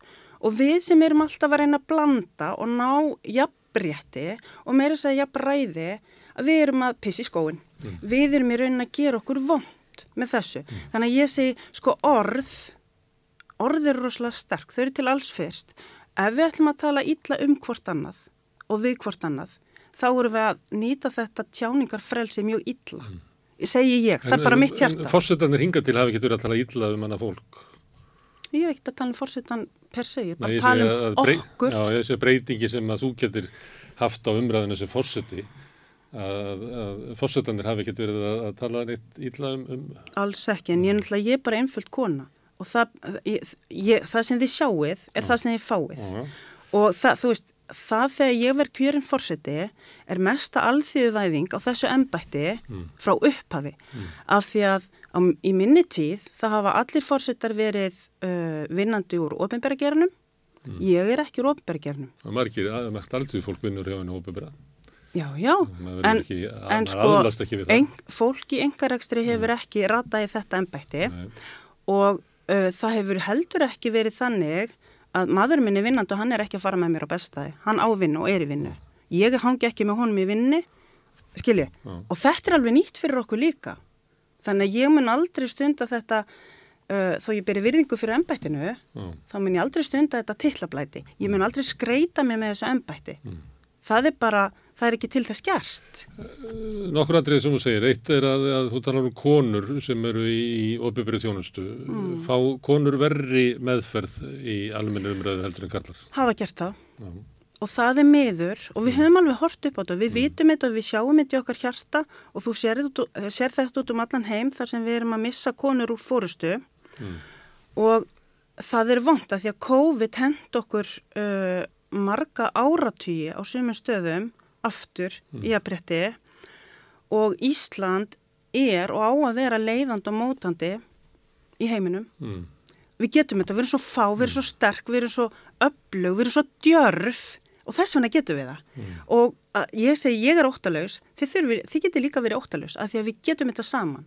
Samstæðan er þessi leikil þar sem að við tölum saman og erum ekki sammála en við erum samhuga. Þetta snýst ekki um að vera sammála. Þetta snýst um að fá allar skoðanna fram og svo að fara og leiða. Og ef að við ætlum ekki að leiða ef að við ætlum ekki að stunda við, ég segi Íslendinga, við sem þjóð Við getum ekki öll leitt hvort annað, það er eitthvað sem á að leið okkur, eða ekki? Þú ert að bjóða fram nei. að vera leiðtói. já, en sko, það er líka annað sem er nýrödd uh, ottaflög það sem er hefðbundi hjá okkur, það er Mm. að fara í svona ottaflög það er frekar þreytandi fyrir manneskinu sem fer fremst Við á... að það, við skulum vona. Mm. við skulum vona að þetta sé keflis hlutverk. Mm. en sko það sem er allra best það er þegar við erum í þessari samstöðu ekki Mm. satt, þegar við stöndum og ég segi það er nóg pláss, kontu bara ekki satt, og það er höggbylgja þetta hérna klífur í vatnið já, og það, það gárar vatnið, ekki satt? En ef þú ert með breyða sa samin eða hérna fórustu að þá farðu höggbylgi það er miklu sterkara högg. Það er það sem að ég segi við um að gera, af því að við getum það vel. Þú talar um sko óvægni gaggrinni á þá sem eru í... klárlega, í allir sem sögðu við mig þegar ég var að fara núna Já, já. og vissi að ég var að fara fram sögðu, ert að fara hérna í ringleikahúsið og átti þá við rómverska ringleikahúsið, það sem þú hlærið á kostnað annara já. og ég sagði já, en hér er val, það er að fara í ringleikahúsið eða á landsleik, já. ekki satt. En það sem ég ætla að spyrja um, um þessu gaggrinni á, á fórustu fólk að því að þú tala um líðræði og hluta mm. líðræðinu er að gaggrina hérna valdhafana, þá sem fara með völdin. Þannig að við, það Fylgir því, það fylgir því. það, það er ekki Og dæmið. en, en er það þannig að, að, að, konur, Mhm. Að það er njóti ekki sama sannmælis, þessu beittar harðari gaggrinni, að það er eigi að vera, hvað við að segja, hreitni og það, það er þóli minni einhverja nögra heldur en kallandir sem hafa meira svigrum í því að vera briskir og gallaðir en samt verið að hanga áfram í fórustu. Já, ég hugsa að þetta sé kannski það sem við höfum verið að gangi í gegnum og hort upp á en svo langar mér líka að segja hérna, við erum fullkomlega færi til þess að létta bakpokana hjá okkur og taka út hegðun og orð og hugsun sem að gagnast okkur ekki og senda það á líknadeild og bara skapa upp á nýtt. Og segja ég hef ekki áhuga á að uh, taka niður konur eða fólk, mér langar að tala um fólk, mér langar ekki að aðgreinda, ég sé bara eitt kyn. Þannig að ég vil bara allir fá að tækifæri þú, uh, þetta er ekki síðan í frúforsiti. Hún heitir frú fórseti. Það er að því að við höfum ekki sagt þetta. Já, við höfum bara ekki notað þessi orð í 30 ár. Nei. og hérna, það er ágætt að svona jöðasóldið, forvitnilega skemmtilega, þetta er skemmtilegt, ekki það, að jöðasóldið á þessu og viðtekinni venju, en hérna, sjáðu nú, má, má ég segja þetta svona út frá fjölbreytni? Já, uh, nú er þjóðin að blandast mjög hratt og það er um 20% af þjóðinni sem að fættist ekki hér. Er ekki með sko 1150 ára innflýtendasögu eins og ég og þú kannski. Ég horfi þannig á að þegar komin hinga þá búum við bara sömu eigu. Og ég er ekkit rétt hærri þó að mitt fólk hafi verið hér á þessar eigu mjög lengi. En stæðstir hlutin þessu 20% sem fættist annar staðar hefur ekki kostningarétt og getur ekki kostið þig. Svo er- að búi hér og er- skatta. svo er það ekkert mál. sko. Nei, og svo Þannig er að það maður mál. um að við sem jöfn ef við erum það ekki. sko. Akkurat og það er raunveruleiki sem kemur, sem flæðir yfir okkur mjög hratt og við erum svolítið á eftir á að grípa og það er þessi hópur sem nýtur ekki þeggréttinda en er samt með okkur og það sem gerist þá, þú veist þetta vel, við, við vitum þetta öll, að þá búum við til annað róf og það er fátæktarrófið.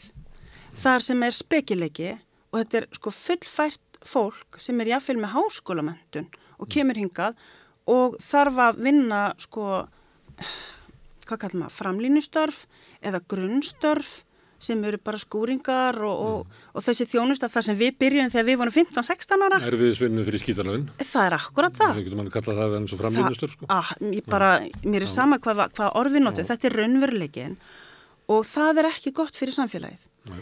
Þannig að hvernig ætlum við að leysa þetta saman? Við viljum heldur ekki búa í lagskiptu þjóðfélagi. Ég held að ekkert okkar þrái það.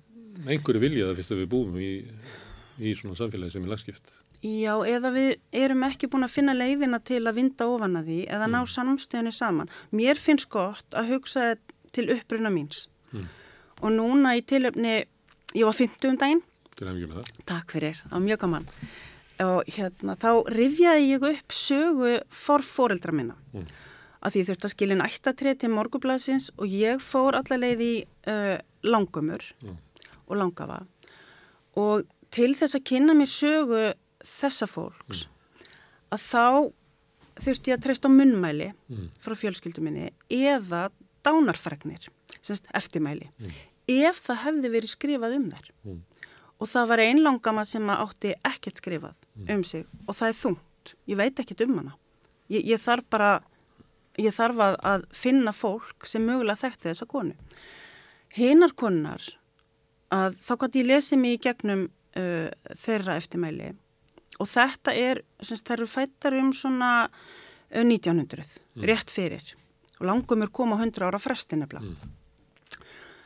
Uh, þær þurft að þóla eldgós og jarðskjálta og flóð og snjóflóð og örskriður. Þær björguði börnum úr brennandi húsum, pappa minn með björga úr brennandi húsum. Mm. Þær þurft að hlaupa með barn uh, úr uh, Suðlandskjáltanum held ég 1896 og þá hrundu göngin bara á heilunum þeirra. Mm. Þetta fólk lagði alveg óhemi vinnu á það að bjarga lífum og vernda líf alveg sama hvað gekk á og það fylgti mig ákveðinu stolti þau voru að gera þetta fyrir mig. Mm. en mér finnst það eins og að sumileiti að við höfum uh, við höfum ákveði róf núna við séum ekki samferða sjálfum okkur mm. og berum ekki sem er virðingu fyrir því hvað lífskipti miklu máli. Það er hart að búa hérna öllu leiti bara, e, ég er ekki bara að tala um náttúruna ég er líka að tala um bara efnahægin og, og við búum á eigu það er ofbáslega dýrt að flytja náttúrulega vörur hingað, mm. ekki satt? Og við þurfum að flytja mjög mikið inn. Sérstaklega við erum með einunguna fyrirtæki sem að sjá um það og eru það okra á neytundum bara, veistu það, ég var að reyka lítið innflytjanda fyrirtæki mm. sem er ekki einungari eða neitt mm. og það er bara hund erfitt. Já, ég get alveg sagt þér að uppa og samskipa umskipa voru það okra á þér líka Æ, ég veit það ekki, en það, sko þú fær mikið til að segja það, þú fær mikið til að lasta og hnjóða, en hérna en það er erfitt. Og ég held að við höfum að snúi þessu við. Ekki gera erfiðara með því að nei, ekki bæti bakpókan okkar af því að sko, svo er það þá þá er það sem við byrjum á. Við erum forriðtenda þjóð við búum, við búum svo vel að vera fá og við búum svo vel að geta, hafa, ha, þess að getu til að velja örlög okkar að svo mörgu leiti og ég held að tækifæri sér núna af því að það er þessar kostningar og þetta er eina embati sem við eigum. Ég er ekki politísk, ég fer aldrei í politík en ég á kost á að bjóða mig fram fyrir okkur þarna. Mm. Og af hverju ekki gera það? Fórsett embati er náttúrulega politík, þó að það sé ekki flokkspolitík. Er það? það er pólitíst hérna, bara líkur í orðana hljóðan að þetta er Því hvernig þá? Eh, þetta er bara pólitíst, þú ert að, að kemur fram með einhverja stefnu sem að þú vilt að, að hérna, endur spekla í embættinu. Og það er bara pólitík. Já, svo það sé ekki framfélagflokkurinn eða píratar eða... Nei, en ég upplýði pólitík sem sko átök, kannski er það því að ég er alin upp þú hér Þú ert kannski eftir að lenda í átökum þegar þú ferði á frambássundi með öðrum frambjóðundum það getur ykkur upplifað sem átök. Já þau, þau verða aldrei hafinn að minni hálfi Nei. en ég mun alltaf verja mig Nei. Var það ekki Vigdí sem uh, var spurt um hérna, sagði var settaði mótframbjóðuð innir þá sá hann að ég vil nú freka hjálpa á meðframbjóðuðu mína Já, Já, ég er alveg þar, ég er í landslinni nefnilega þannig að ég, ég er ekki að spila í landsliðinu með einhvern sem er mótherja minn. En að því að þú vísa svolítið mikið í það svona hvernig við eigum að lifa og verja okkur fyrir einhverju neikvæðni og vera -hmm. bjarsín og af það. Þetta er svona, e, sko rótin af þessu sem þetta lýsa er svona eh, persónulegar ákvarðanir, engalar ákvarðanir hvernig ég ætla að vera í lífinu. Ertu vissum að þess að þetta flytja þetta yfir á samfélagið þegar þú byrjuð að segja við, Já, inn í þessu við er bara fólk sem er bara ósamálaður, vill ekki, vill ekki vera með þér, algjörlega. vill ekki vera sömuleið, það er líka við. Já. Þannig að þetta, þú segir að ég ætla að gera svona og ég ætla að gera svona og horfa svona til lífsins mm -hmm. að þegar þú tegir það yfir í við að það var ekki endilega víst að það séu allir þar í Alls sama kornum. Nei. Nei, nei, nei, og það ber að virða það, það er ríkita með við að vera í liðræði líka, mm. að það er skoðanablaðingurinn og hann er ekki 180 gráður, hann er 360 gráður, mm.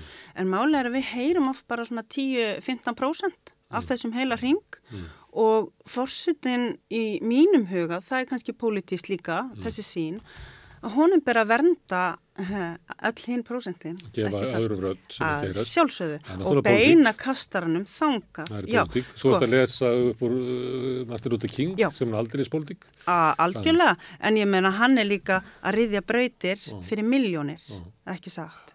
Og ég held að við um að vera þar, við um að rýsa upp og við um að rýsa yfir og við um að hætti þessu karpi sem ofti er, fara upp á hjólfurum og segja hvernig viljum við hafa þetta núna, ekki sagt. Við erum stödd á öðrum stað, við erum annari stoppistöð og bara kíkja út um gluggan og taka ákveðin þaðan og gera það saman. Ok, áður ég spyrði hvernig þú vilt hafa þetta, þá þú veist að tala um skoðana blævængin sem er 360 gráður og þessu er bara 10 gráður sem að heyrast. Hvaða rattir eru það sem að, að heyrast ekki í samfélaginu? Uh, sko, styrkur samfélags felst í því hversu vel við komum fram við unga aldn og sjúka. Mm. Og þetta eru þeir hópar sem að hafa minnstu eða lægstu rattinar ekki satt. Og svo þessi hópi sem við vorum að tala um áðan sem að fer vaksandi og það er sá hópi sem hefur ekki þakkrétnindi. Og hann má ekki verða utanveldu. Ég held að það sé mjög hættulegt fyrir samfélagið uh, það kroppar í mennskun okkar og svo lítur þetta fjölmjölun líka og þá er aftur tjáningafrelsið sem ég þykir svo væntum uh, það fækkar fjölmjölum hjá okkur. Það er erfitt að reyka fjölmjöl, það veistu vel. Hvernig eigum við að tryggja það að við heyrum vel í hvort öðru? Og svo þegar við heyrum vel í hvort öðru hvernig eigum við að tryggja það að við séum ekki þá að ráðast á hvort annað fyrir skoðanir? Af því að ég hef enga trú á óvinnsælum skoðunum, það er ekki til. Þú, hefur bara þína skoðun og ég vil heyra það, ég bý í húsi það sem að, sko ég er trúrækin maðurum minn ekki, hann er stútfullur að kærleika hann stundar ekki kirkjuna og við erum sex í húsi og það er bara allt í bóði, það er alls konar orðsögð og allt saman. Mér finnst þetta bara mjög holdt ég elska þau öll. En það er samt sko það er ákveðin taktur og það gildir um samfélagi líka að því þú segir er hægt að taka persónulega ákveðin, já það byrjar allt heima hér það er þannig að byrjar allt í þínu eigin hjarta líka. Þú getur ekki bent á annað fólk og ekki tekið ábyrða sjálf við þér. Þannig að byrjum bara okkur og tökum valið þar og þá náum við hérna að heyra og hlusta á hvort annað og þá náum við líka að taka ákverðin saman. Annars er þetta ofbeldi sem við vorum að tala um frá Martin Luther King, það er ykkur annar sem tekur á, ákverðun og þú hefur ekkert um það að segja.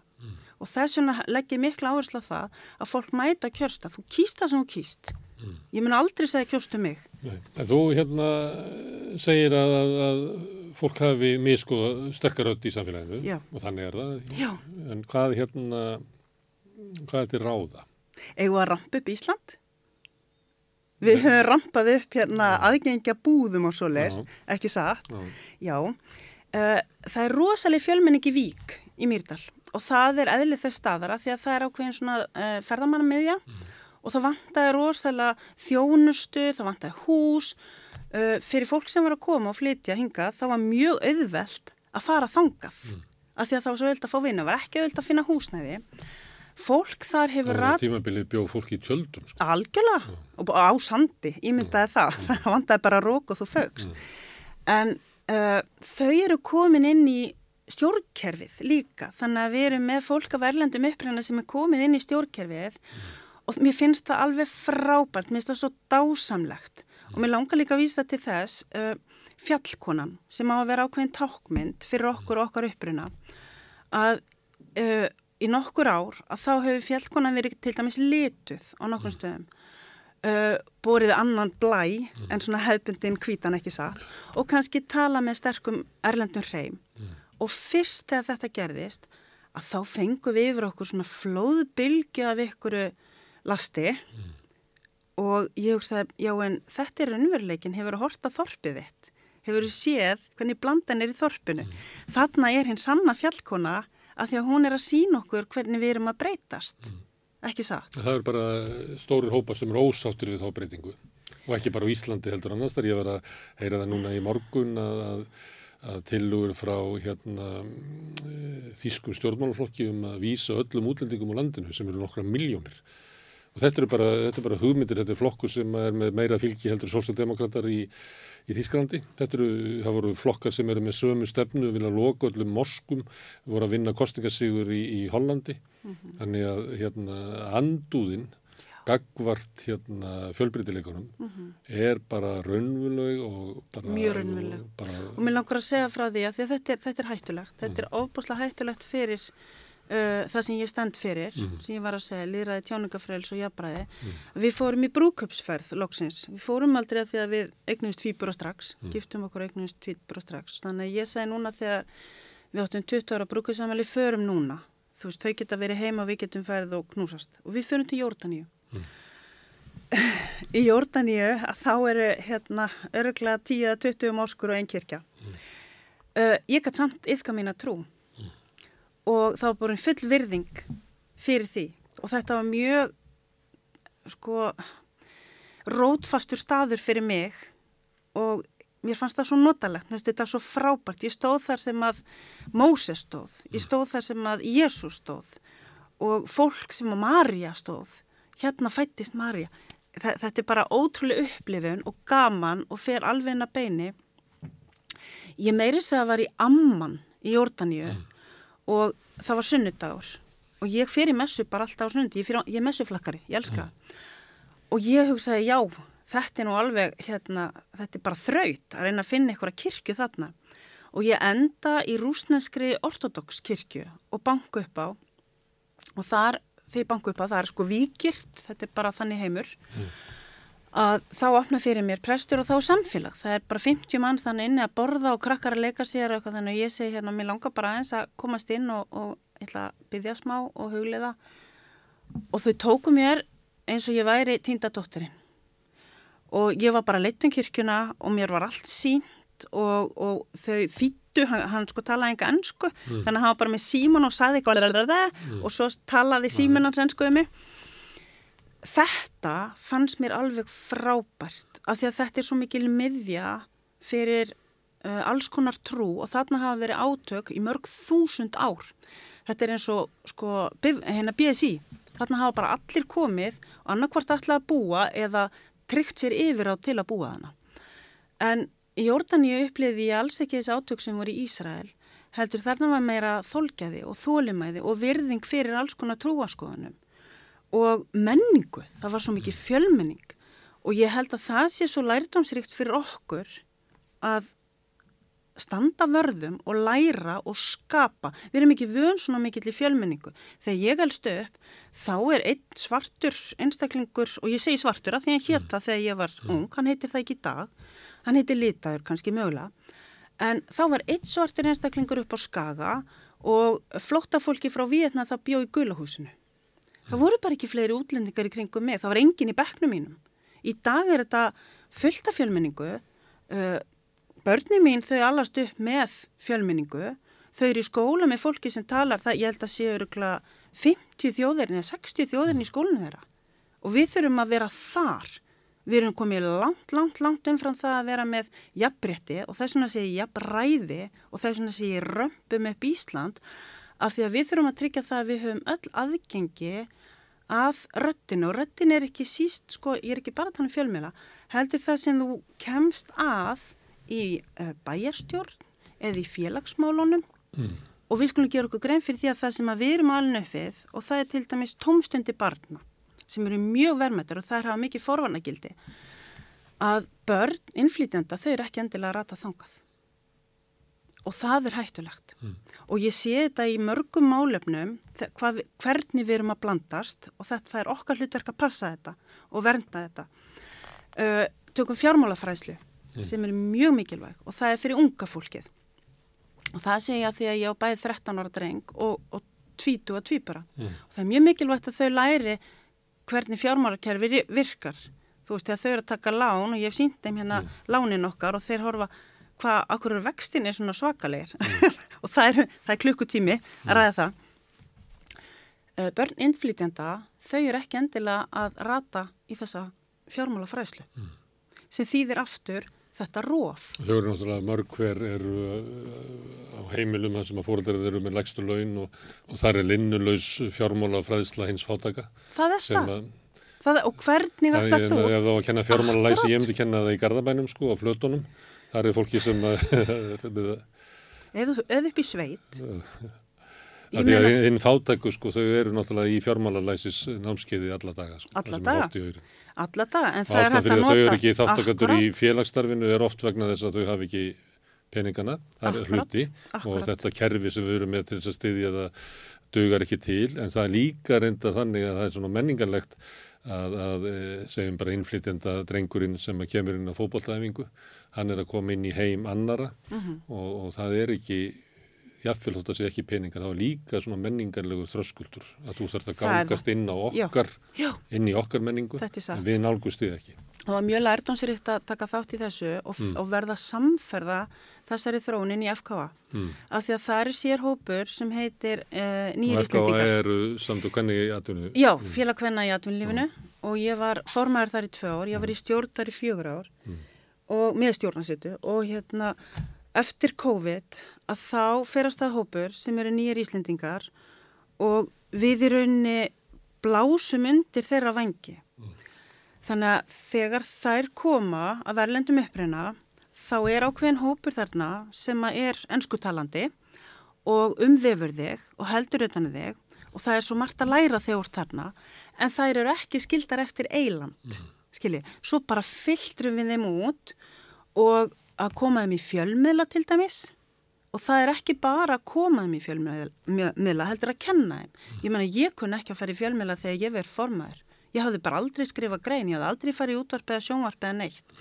Þetta gerum við, þetta er eins og uppeldistöð, svona gróðrastöð fyrir eblingu kvenna og að ebla konur, þessi 20% trúið því, það er 1,50. Það skiptir nefnilega alveg ofbúslega miklu máli og það skiptir máli að því að þú sagði það er fólk sem að lokar augum að eyrum fyrir þessu og er á móti að Það lokar ekki það hugum eiru, það bara er á móti þessu. Já, en hver, hvernig ætlar að stöðva Samfélagið okkar að þróast eitthvað. Hvernig ætlar að stöðva það? Það er ekki hægt að stöðva það. Hvernig ætlar að stöðva fólksflótta? Þess vegna tók ég dæmi að það eru flokkur til dæmis í Þýskalandi sem að vil bara vísa öllum hérna, útlendingum úr landi. Þetta er náttúrulega virkar bara fullkomlega óraunöft. Þýskaland Það myndi brotna saman Já. við þetta. En, en uh, viljinn til þess að stoppa þessa þróun er svo mikill að fólk leggur fram þessa tilugur. Já. Og þá er langvægt kannski til að spurja, að því að við erum að gangi í gennum mikla breytingar og það verður meiri fjölgun innflytjandi á Íslandi heldur en víðaskvar. Þetta verður gert hraðar í okkur, Mjög við vorum hérna við vorum miklu einsleitra samfélag, miklu lengur heldur en flest önnur, það er orðið breyting bara á, á stöðu Íslands í heiminum, sko. Reykjavík er orðið bara eins og eh, ja, miðlungs evrósk borg. Og það er bara út af samgöngum, út af netinu, þá er þessi fjarlæð sem að við erum frá öðru löndum hefur svolítið breyst.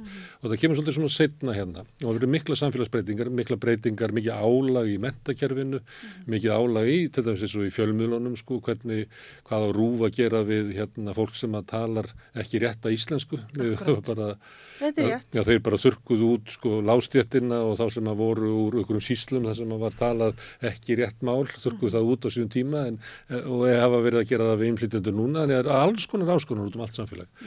Finnst þér að fórsetæmbatið hefði átt að tala sterkara inn í þessar samfélagsbreytingar sem að við erum að gangi í gegnum? Ég hef ekki áhuga að tala afturvirt. Finnst þér að Ég, ætti já, að... ég get talað fyrir mig. Ég skal tala- gera það. Já. Ég, ég myndi gera það sama og ég gerði FK. Mm. Þar sem að, sko, uh, ég trú ekki á líðbreytur. Ég trú ekki að þær hjálpa okkur. Mm. Þannig að uh, kyn, aldur og upprunni að við eigum bara að horfa á þetta eins og hamar er hamar. Alls það er í heiminum. Þannig að ég mun taka bara vel á móti öllum Mm. sem hér búa. Ég mun þjóna öllum sem hér búa. Alveg, alveg óháð hvort er kjósi mig að ekki. Já, en fórsetæmbatið er bara lítið embætti en, en það Er eru... það?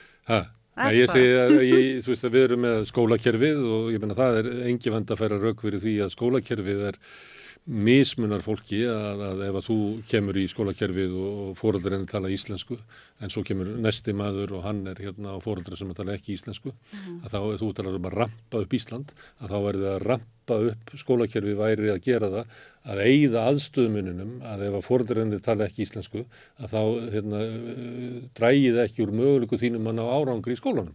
Þetta er bara verkefni sem er eftir og ég meina að tala við innflytjendur sem þurfa að leita til dómskerfisins eða síslumans eða bara, það er byðruð eftir sko, hérna, tólkum og, og við getum bara, það er endalaus verkefni sem við erum að fást við, þannig að þó að fórsetisembati myndi breyta sér, þá breytist ekki samfélagi með það. Jú, Ó, ja, af því að það verður að breyta ykkur staðar, það er mjög gott að gera það fremst. já, Ég skal fara fremst, það er ekkert mál. Ég, hérna, ég ætla að segja, maður minn hann kefti staðafell í dölum og fellströnd. Og við höfum ekki rætur reykja þangað. Og við erum bara leitt þangað. Algjörlega kolfjallum fyrir þessum stað. Og þetta verður stórkoslega skemmtileg vegferð að horfa á hann skapa eitthvað þar. Uh, veistu hver innleggingin í Dalabegð var? Það var handtak. Mm. Það var tekið höndin á okkur og horti í augun okkur og brosað og það var bara það. Síðan er okkur sínt allt.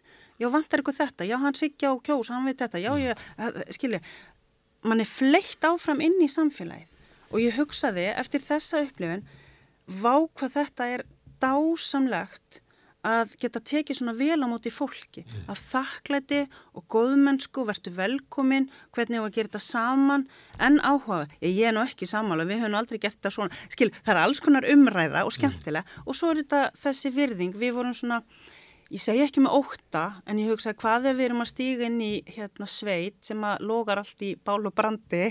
Og mér langar ekkert að taka þátt í því, hvernig á ég að vinda ofan að því og það var ekki svo. Og ég held að við eigum, al- alveg eins og ég var að segja þér áðan, að byrja hennu smáa og gera það síðan að stærra, að við verðum að horfa í eigin barm hvernig tökum við á móti fólki, af því að ég stunda það ekki að borga pening uh, fyrir innflytjendur eða borgi sjóð eða eitthvað þannig. Ég geri það alveg, ég tek alveg þátt í söfnunum og svona, heldur, ég þekki sko konuna, innflytjendakonuna sem býr á móti mér og ég þekki barnið sem að hérna, tala mjög litla íslensku og þá bara leiðrétti hann um leið, ekki satt. Og ég held að við séum að æfa okkur þarna, að við séum að æfa okkur, já, hér er fólk komið og það var ákveð Innflytjendur kvartar reyndar svolítið yfir því að það sé alltaf verið að leiðrætta þá. Það segja, Nei, reynda já. að heyra hvað ég er að segja en ekki hvernig ég segi það. Já, já, það gerum við líka við okkar eigin börn. En ég held líka, Gunnar Smára, þetta sé ákveð tímabil sem við erum að færast yfir. Manstu þegar það var að koma svona mikið atvinnuflæði, til dæmis frá Póland og Litáen og þetta voru farandverkamenn. Þannig að það voru sérstaklega kattmenn og voru að koma í mannvirkjageiran og svo voru líka svona að koma í þjónustugeiran en svo fóru þau.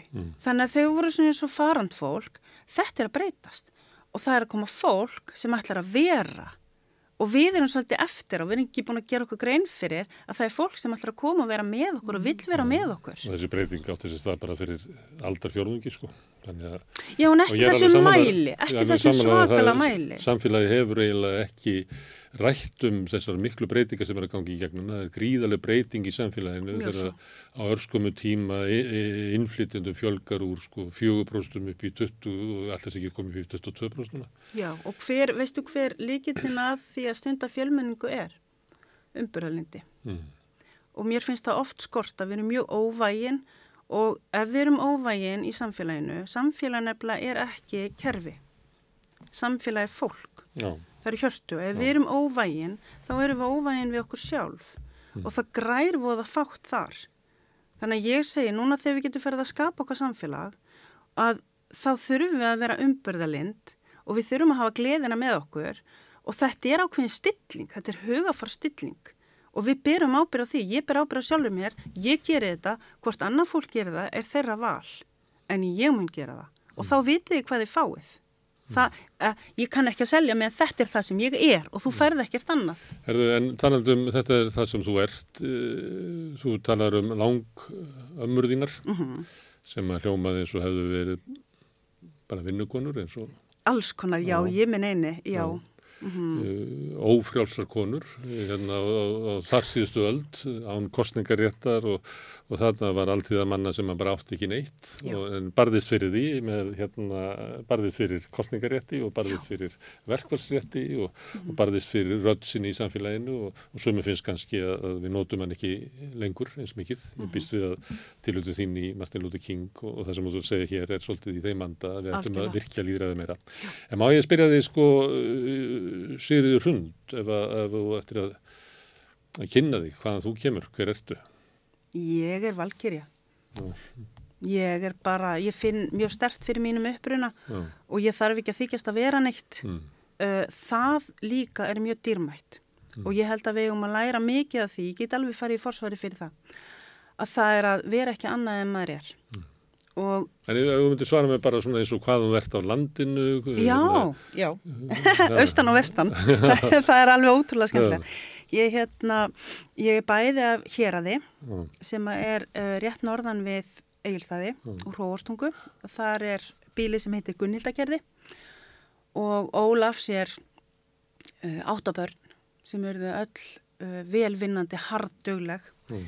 En það bíli að því að þú ert að tala um svona hart uppeldi og ég er ekki að meina og, ekki ástrikt, heldur það er bara hart Já. skilur, það er hart í áli, ári. Það hérna átti ekki mikið fjö það var ekki, það voru kröppkjör. En þau kaupa sér heimakenslu og vilja að börnin sín uh, mentist. Og þau mentuðu líka nágranna börnin og uh, þau stunduðu líkn. Allar mína langumur eru þjónandi og líknandi og það finn ég stert í mér það eru allar skörungar, þær tala allar stert og þær eru ekki að minka sig. Mm. það er bara að finna það, það er ekki þeirra hlutverk. Uh, þrátt fyrir að þær gangi gegnum uh, erfileika og ég meina bara lífsins hörmungar að missa menn, að missa börn uh, að lendi í jarðskjaldum og eldsvoðum og alls konar að þá samt standa þær keikar og þá samt er þær gerðar úr þessum grunni. Uh, þær eru trúfastar og ég bara, ég er þar líka og það ber að virða að því að við erum svo heppin eiga trú frelsi og ég elska það. Ég elska það að við getum öll bóðið upp á þetta frelsi. Uh, það að við getum verið listræn, ég er afar listræn, bara syng og dansa og skrifa, allt þetta, þetta rennur í mér. Þetta rennur í mér líka frá Körlunum, sér að Sigur Reynarsson í Holti, hann er langaði minn. Að Amma Gunnvör Braga var yfir hérna barnefni í Rúf og ég erst upp fyrir hana og hennar þýðurödd sko, mm. dimmarödd og hún var alltaf með hatta, Já. alltaf með hatta og tilla. Uh, svo er ég líka úr dölunum og það er alveg merkilegt að því að pappi hefði sko hleið að mér fyrir að vita það ekki. En það er bara því að var alveg fjögur börn og, og allt sem því fylgir. Og ég finn sko sveitastelpuna bulla núna, hún bara grasserar, ég elska þetta. Ég stund að sjósund, ég er að prjóna, ég er að refilsauma, ég menna, ég er bara 500 ára gömul eða eitthvað, en þetta, þetta er bara við, ég er bara hrein og bein og ég, ég er ófær um að þykjast vera eitthvað. Ég held að það sé mjög óholt, við höfum ekki að stunda það, við höfum frekar að opna það og segja Gunnarsmöru, hver er þú? Hlærð þú svona dillandi hlátri alltaf, auðvelt að finna þig út á götu. Uh, já, ég er bara þessi kona. Já, en þú sagðir áðan uh, mjög snemma í samtalenu að þú væri, þetta væri alþýðu frambóð, einhvern veginn orðar eða eitthvað með þeim. Já, ég sagði þetta væri mest að alþýð, já, þetta er, þetta er svona, Taka bestastæði? já, ég myndi segja sko, ég ber fulla virðingu fyrir embættunum, ég kann Já. alveg að klæða mig eftir tilefni. Já, Þannig að, ég ætla að klára. já, ok. Þegar ég fyrir óperuna, Já. uh, seg- ég, ég á sko áskort í symfóníu, ég elska klassík, að þá bara elska ég að fara í fínan kjól og háa hæl og allt hannig. En þegar ég er að fara í sjósund eða þegar ég er að fara í sveitina, nú þá er ég bara í ullapeysinu og stígvilum og þá er ég bara þar sem ég er. Og mér finnst mjög mikilvægt að þetta fá að vera og ég, mm, mér langar ekki að hengja mig á fyrri fórseta eitthvað þannig en ég held að bæði guðinni sérstaklega, það er svo mikil fyrirmynd að sjá kallmann uh, vera mannlegur. Og hann kendi okkur svo margt í því eins og að vera bara í sokkum og með buff, þú veist, mér buff ekki klænaður það er einhver afgangspjalla sem ég nota í ekkert. Uh, en hann var mannlegur og þetta skipti svo miklu máli. Það var vitis líka og vitis að já, munið að leika ykkur. Þið viti, þó að ég sé embætti og þó að ég sé að bara standa vörðum mín störf, þá mun ég ekki gleyma að leika mér. Og við megum ekki reyna okkur þessu. Þetta er embætti en þetta er ekki þannig að, að þú drepir manneskjuna. Þannig að ert að tala um alþýðlegt að þá ert að tala um að gera ekki mannamun og vera alþýðleg í háttum, uh, taka öllum þeim jafningum. að Þú- þú- ekki að tala um, um alþýðuna í svona menna hvað marxískum skilningi. ég, nei, ég er, ég er ekki það nei, ég er nú Nei. ekki það langkomin nei, enda ég sagði þér, ég er ópolitíst ég, þetta, er, þetta er meira frá hjartan og bara hver, hvaðan ég kem og hvernig ég er alveg upp og hvernig ég lifi. Mm. Og ég held að við eigum að hérna uh, hugsa, eða ég hugsa embætti þannig að þar skipti mestu máli að vera manneskja. Og það er hundflóki að vera manneskja. Það er engin handbók sem kemur því. Og það er svona skipti svo miklu máli að við sem að stilla hvort annað af. Og ég hef aldrei séð okkur farnast vel nema þegar við höfum kærleikan með okkur. Þegar við bara tökum þessu þannig með mildi en við erum samt sterk. Við stöndum keik. En mildi og sjálfsmildi og alveg sama þó ég þurfi að segja þér hluti og ég, nú ég alveg upp þrjá drengi. Uh, og þá segi ég alltaf við það þegar ég þarf að segja erfiða hluti ég segi þetta því ég elska þig. Og ég vil á að heyri hvað ég segi og skilji það en svo velur þú. Þetta er þín vegferð, þetta er þitt líf. En ég verð að fá að segja þetta. Og ég held að við um að gera það sama. Við um að segja við samfélagið við verðum að tala upp átt um hvað þetta er sárt og erfitt en svo veljum við ekki satt? Og við byrjum ábyrða því. Þú vísar í að þú hefur verið formaður uh, félagskvenna í atvinnuvexti, atvinnlífinu, atvinnulífinu fyrir. FKA, já. Hvað hérna, fyrir þá sem ekki þekkja hvaða, því þú vísar til þess, hvaða hérna félagskapur er þetta? Herðu, þær eru, og við um ammalisári ár 25 ára, Mm. ég elst upp við þessa konur. Og uh, þær voru sem sagt félagkvenna í atvinnu rekstri, þannig að þá voru þetta bara atvinnu rekendur. Síðan svona uh, hálfleiðis að þá útvika þær blæfangin og taka inn allar konur í atvinnu lífinu. Og nú er það svo að það er yfir 1400 konur í þessu félagi viðsvara landinu, það eru landsbyða deildur út um alla landsfjörðunga uh, og New Icelanders Mm. og það eru En ungar. þetta eru svona mest þeir sem, konur sem eiga fyrirtæki Nei. eða reka fyrirtæki og eru yfirmenn. Nei, Þetta er Það- ekki skúringakonunar, ef það er vilja, en það er ekki hérna.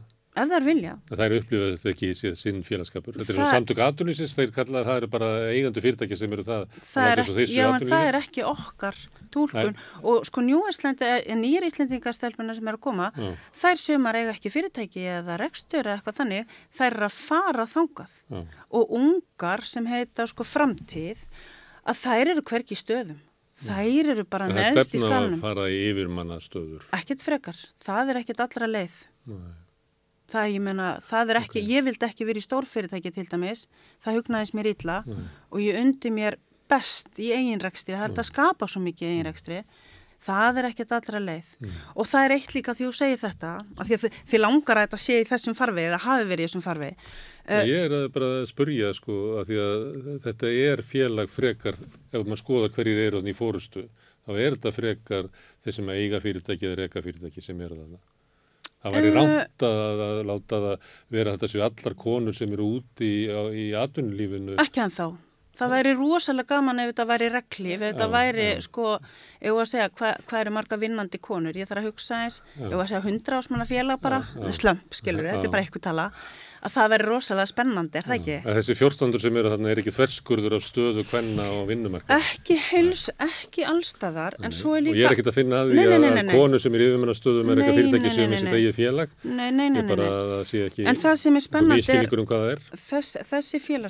sitt nei. Nei, nei, nei, nei, nei. að það það er er- um það er. Því að þú spurður á hann, Mm. að hann er í sífeldri þróun og það er það sem er svo spennandi að því að bara í fyrra að þá til dæmis stopnaðist einn hópur sem er platínuhópur og veistu hvað það er? Það eru konur sem eru komnar af vinnumarkaði Já, og það eru þær sem hafa verið Platínum bara, lítið hár. já þær skýrðu Gráar. sig sjálfar. Já, já. Þetta er svo grái erinn. Ég... en mér finnst það dásanlegt að því að þetta eru konunar sem að geta kent okkur svo mikið og það sem þær gera, þær reyna að tegja sér tilbaka og kenna okkur hinnum og það er oftast sjálfsmildi, Mm. það er oftast að vera ekki svona harðar við okkur og óbylgjarnar. Er með aldrinum. Þetta, Við skulum vona, já ég er, ég er fljóta að læra á sér það.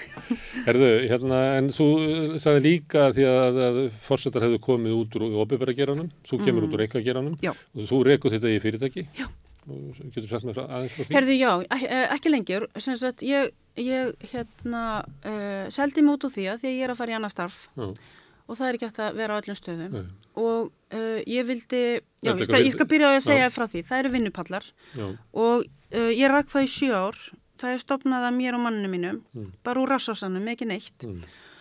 og af því að hann er með sitt fyrirtæki, hann er verktæki, að þá sagði ég, sjá þú um það og ég skal sjá um þetta. Mm. Og þetta var bara nákvæmlega í rassásanum og með fyrst heima hjá okkur og börnin, þú veist, ég hef gefið brjóst og borga laun með henni. Uh, og mér finnst það alveg dásanlega, það er svo gaman. Og síðan bara að hlaða utan á sig góðu starfsfólki og, og skapa með því hvað finnst þér sniðugt. Og okkur hefur vaksið ásmegin og við erum náttúrulega að vinna í, í hérna, bransa sem við þekkjum alveg svakalega vel sem mannverki gerin og hann er hjartsláttur þar að segja, stundum er rosagangur og stundum er þetta bara algjör döiði og ég kalla þetta kanarifuglin í náminni af því að þessi bransi finnur strax að það vantar súrefni í hagkerfið. Þá deyr fuglin, hann bara fær ekki súrefni og ég veit að langt á undan hennum almenna mann út, á- Er út hann ekki svolítið að götu. deyja núna, samdráttur í, nefnir náttúrulega að byggja hótel, það er náttúrulega byrstist þar. sko, fri- vaksta frýsting neða vaksta hækku núna uh, síðasta sumar að hún bara lamaði Mm. þjóðfélag, það vitum við öll. Það er alveg saman hvort þú varst bóndi eða, eða í þessum bransa uh, að það bara sló okkur alveg niður. Og svo náttúrulega erum við í kjaraviðræði núna og erum við gott fólk þar. Og það fólk líka veit og gerir sér grein fyrir að við þurfum að, að stilla okkur af og vonandi til lengri tíma heldur en skemmri tíma. En við vitum líka að allt getur breyst á morgun, ég get mist allt á morgun, ég veit það. Og ég vona að þú viti það líka. Það þarf ekki eldgóst til. Að við verðum að, að við mannverkja gerum við þekkjum þetta bara svo vel. Og þú þarft að hafa ákveð æðruleysi og kjark og styrk og grjót í maganum. Það er ekki hægt að vera að barma sér. Ef þú hefði hort á hvernig ég var að reyka vinnupalla ég var aldrei að grenja við því hvað þetta verið erfitt. Þetta er Finnst þið fólk vera ómikið að grenja eitthvað í samfélaginu? Nei, Ég, ég, man eftir, Nei. ég er erfitt með að ímynda mér eitthvað fólk sem er að kvarta á þess að sé ykkur innistæði fyrir því, sko. Það er helst að með þetta yfir samtöku LIU sem er að, að kalla grátkórin, þau eru alltaf að kvarta eitthvað. Nei, ég hef bara, ég hef veirt að fólk sem er bara að benda á bara óréttlæti sem það býr við og ég upplif ekki að fólk sé alltaf svona grátandi. já, nú get ég verið atvinnreikandi líka Ekki grindingandi, ekki, ekki eru þeir Nei, grátandi, sko. en, en, en horfa, þú Og veist, nú, innflytjendur er er ekki gráta þeir, við heyrum alltaf í þeim, sko. nú er ég atvinnreikandi Já.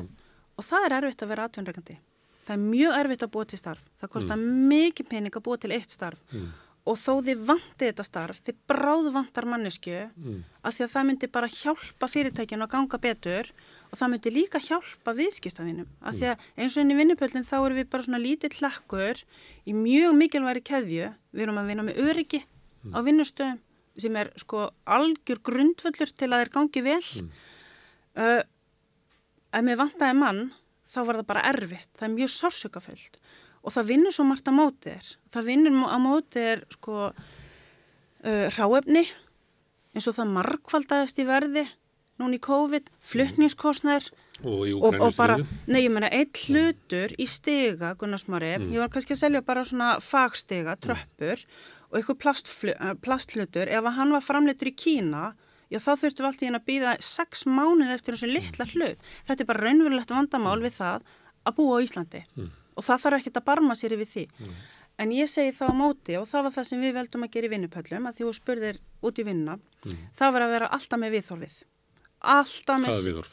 alltaf sigurvegara viðhorf, viðhorf alltaf samvinnu og samstöðu alltaf að reyna að leysa málin og ég útskýrði fyrir fólki sem var að koma í vinnutímin og ég sagði veistu það, hér erum við að vinna með fólki og fyrir fólk sem er í geira og það er vond veður hér 200 daga á ári og við verðum, þú getur ekki komið og fengið þjónust í okkur og við erum eitthvað að bæta í hjá þér. Heldur við erum að reyna að leysa ákveðið ákveðina áskorun fyrir þig og með þér. Og þetta kallar á þú þarfst að stilla sjálfum þig af. Og þetta unnum við bara rosalega mikið með. En þetta skil ég eftir mig af því að hérna, ég tók mig góðan tíma til að undirbúa það sem ég er að fara að gera núna. Af því að uh, mér langar ekki og það er eðli hvenna, það er að gera margt í einu. Og mér langaði ekki að gera margt í einu. Og nú langar mér bara að vera frambjóðandi og ég er að læra eitthvað nýtt á hverju degi hverju mínútu og hérna En að þú, má ég aðeins spyrja um þetta sigurvegara viðhorf? Já. Hvort að það sé kannski eitthvað sem að þú getur leiftir og, og, og það virkar fyrir þig en, en í gagvart sömum getur þetta verið bara eins og svipa ef við ímyndum okkur bara að tvekja barnamóður í lálunastarfi sem að hefur þurft að neyta sér um, um heilbriðstjónustu og gatvalla haldi jólinn fyrir börnin og getur ekki stutt börnin og ástæðan fyrir að börnin þeirra er ekki að mæta í, í, í frístundunar að hún hefur bara ekki efni á því, hún er kannski fær pening til þess að borga uh, æfingagjöldin en hún á ekki, hefur ekki efni á, á búningnu sem þarf að fylgja eða hljóðfærinu sem þarf að fylgja og og ef, ef svo kemur þú í fórsta frambóðu þessi sigurvegar að viðhorfið mm -hmm. Þetta virkar eins og bara refsing fyrir hann að heyra þetta eins og hún sé ekki nógu mikill sigurvegari hún er allan daginn að berjast fyrir því að eiga fyrir mat fyrir börnunum sínum og ákast mat fyrir börnunum alveg til 27. hvers mánuðar og svo hálf sveltaðu þessum eftir mánuðarins mm -hmm. taka lán, eitthvað kannski skamtíma lán og tekið af ykkur svífirleði vextir til þess að hún geti það er ekki að bjóða konun upp á það að hún sé ekki nógu mikill sigurvegari í hugan En hún er sigurvegari og ég er búin En hún fær ekki eh, Akkur sigurverðin? Já, og ég vildi óska að það væri þannig. Ég, ég, ég snýði svolítið á kvól, sko. Hérna, í fyrsta lagi ætla ég að segja, eh, við fluttum heim frá Danmarku með tvíburna, Já. með skuldir. Við komum heim og áttum ekkert og við lendum bara beint inn í hrunni, mm. sem var gott að því að við höfum enga tapa. Mm. Og sigur okkar var sá að við áttum bara bönn okkar og við hugsaðum um þau. Uh, við seldum íbúð, uh, ég held að það hafi verið 2009, já 2009 í februar og við seldum hana með tapi. Það var ekkert á því að greiða. Mm -hmm. Og það er rosalega þungt og við töluðum um þetta þegar áðurum við vorum að lappa inn mm.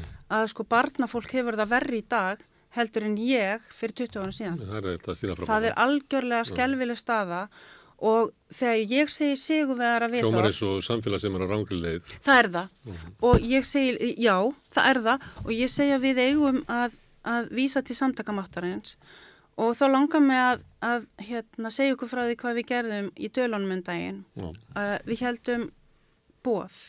Við heldum sem sagt svona hátíðamessu á milli Jólan í árs sem var mjög skemmtileg. Það er kirkja á... á já, það er staðafellskirkja, 1891. Það er margir sem að kannast við staðafell, það í meðferð. Þetta er einn, heyrði, já, já, þetta er einn mest notaði kirkja á landinu, mm. bjargað mörgum mönnum, mm. mörgum sálum.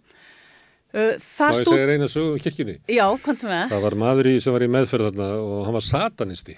Okay. Og fannst það að vera bara, vildi ekki láta bjóða sig það að fara út í kirkju. En nú var að þetta er bara hluti af meðferðinu, þú verður að vera þar og beigja þig bara undir þetta. Akkurat. Og svo er það þannig að það var, fólk helst í hendur og fór með ærlisspennina í lokin. Mm -hmm og hann mætti á þessu stund en hann var með gúmi hanska. Þannig að heilagur andi fær ekki inn í hann. Nei, nei, hann smígur alls þar en ég ætla að klára þetta. Það úr hérna Þetta finnst mér mjög gott. Mér finnst þetta mjög gott. Já, já, Það er allir velkomni í kirkuna það er það goða Hérna, við förum að höldum þannig uh, já, við höldum messu og síðan förum við út í félagsheimili og það er haldið Pálinu bóð Pálina, að bjóða frú Pálin í heimsókn þýðir mm. að þeir sem að meira komi meira og þeir sem er að minna komi minna. Mm. Það er allt sett að borða og smurt út og það svignar. Mm. Þetta er það sem við erum að gera. Mm. Þetta er samstæðan. Við getum öll mm. látið að hendi rakna. Það þarf ekkit stórt en það þarf samstöðu. Mm. Og við þurfum að æfa okkur að finna leiður og ég er ekki að segja, það er ekki bara svona stór áttak eins og núna fyrir Grindavík sem er, sko, það er svo gott tækifæri til þess að æfa samstöðuna. Mm. Það gengur ekki upp að við séum með heilt þorp á vergangi mm. og nú er það okkar verkefni, okkar stóra verkefni, hvernig ætlum við að leysa það og það er bæði þessi stóra söfninu eins og hjá Rauðakrossinum allt hannig, svo er það líka þekkir þú grindviking, mm. hvernig ert þú að hjálpa húnu persónlega, mm. ekki satt og þetta er holdt, þetta er uppeldislega holdt fyrir okkur að nýta okkur og ég segi nota hörmungar til þess að verða sigurverar. Mm. Herðu, en þú vísar til dæmis hérna, með staðanfell og kirkjuna og, mm. og líka bara hvernig þú ætti að tala um samfélagið og þú talar um að þú sett hérna kristinn og trúrækin. Já, ég er það. Uh, hvert er mikilvægi þess? Fyrir mig eða almennt? Já, eða bara kristina og þessar kristna arfleðar sem við höfum í samfélaginu. Þetta er svona... Uh, sko, já, við verðum, já, það langar maður að benda á að hérna, kirkjur landsins eru mm. margar og þær eru mjög mikilvægar og þær gengdu mjög mikilvægur hlutverki hér fyrra öldum að því að fólk, það var alveg sama hvað varst trúaður, sumir meira en aðrir, mm. að þetta var samkómastæðurinn að því að þú fóst mm. í messu og fóstabænum og hittir hana fólk og svo var farið og setið í samsæti og þú heyrðir fréttir heyrðir fréttir Mm. og bast fréttir og það var bara alls konar í gangi. Og þetta var annað en þorrablóti, ég er að fara í þorrablóti í dölun núna í februar, Mm. ég skal segja frá því, ég veit ekkert hvernig það er fer, fer fram. En þetta skiptir mjög miklu máli. Og það er það sama núna uh, að bera virðingu fyrir fjölmenningu. Mm. uh, í landin eru ein lög en margir siðir. Og ég held að við verðum að halda fast í þetta og mér, nú fer ég aftur í Martin Luther King. Þetta er okkar rætur. Þetta er okkar styrkleiki. Og við sem á Íslandi þá erum við með lög sem eru svona en kontovert eins og þú. Mér finnst, mér finnst að glæpur að ræna fólki uh, einkenni sínu persónlegu einkenni sínu. Og þetta segi ég til stert í mér og ég segi þetta þunga að því að ég er listræn.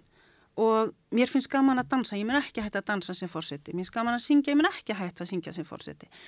Uh, ég mun alltaf gera það við rétt tilefni, svo ég segi það Og þú fyrir, vilt líka tala eins og Kristín manneskja.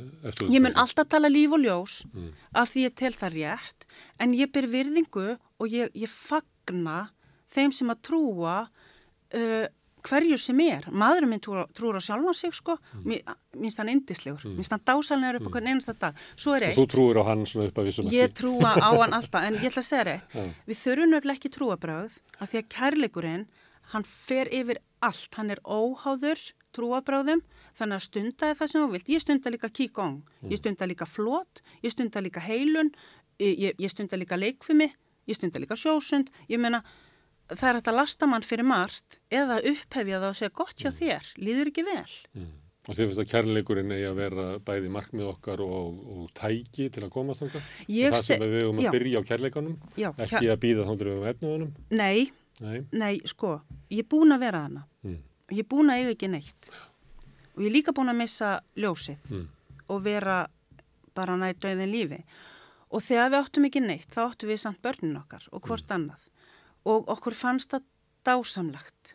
Og við hugsuðum þetta, sko, ég var að kaupa bara eins og venjulega mæður gera, hérna, notu född og þegar þau voru komin ansi stutt upp hendurnar, að þau hugsaðum að jæja, þá bara fer maður á skiptimarkaðin og þegar ég kem heim til að vera með tvíbur er erfitt, það er alltaf tvöfalt, þá var engin svona skiptimarkaður.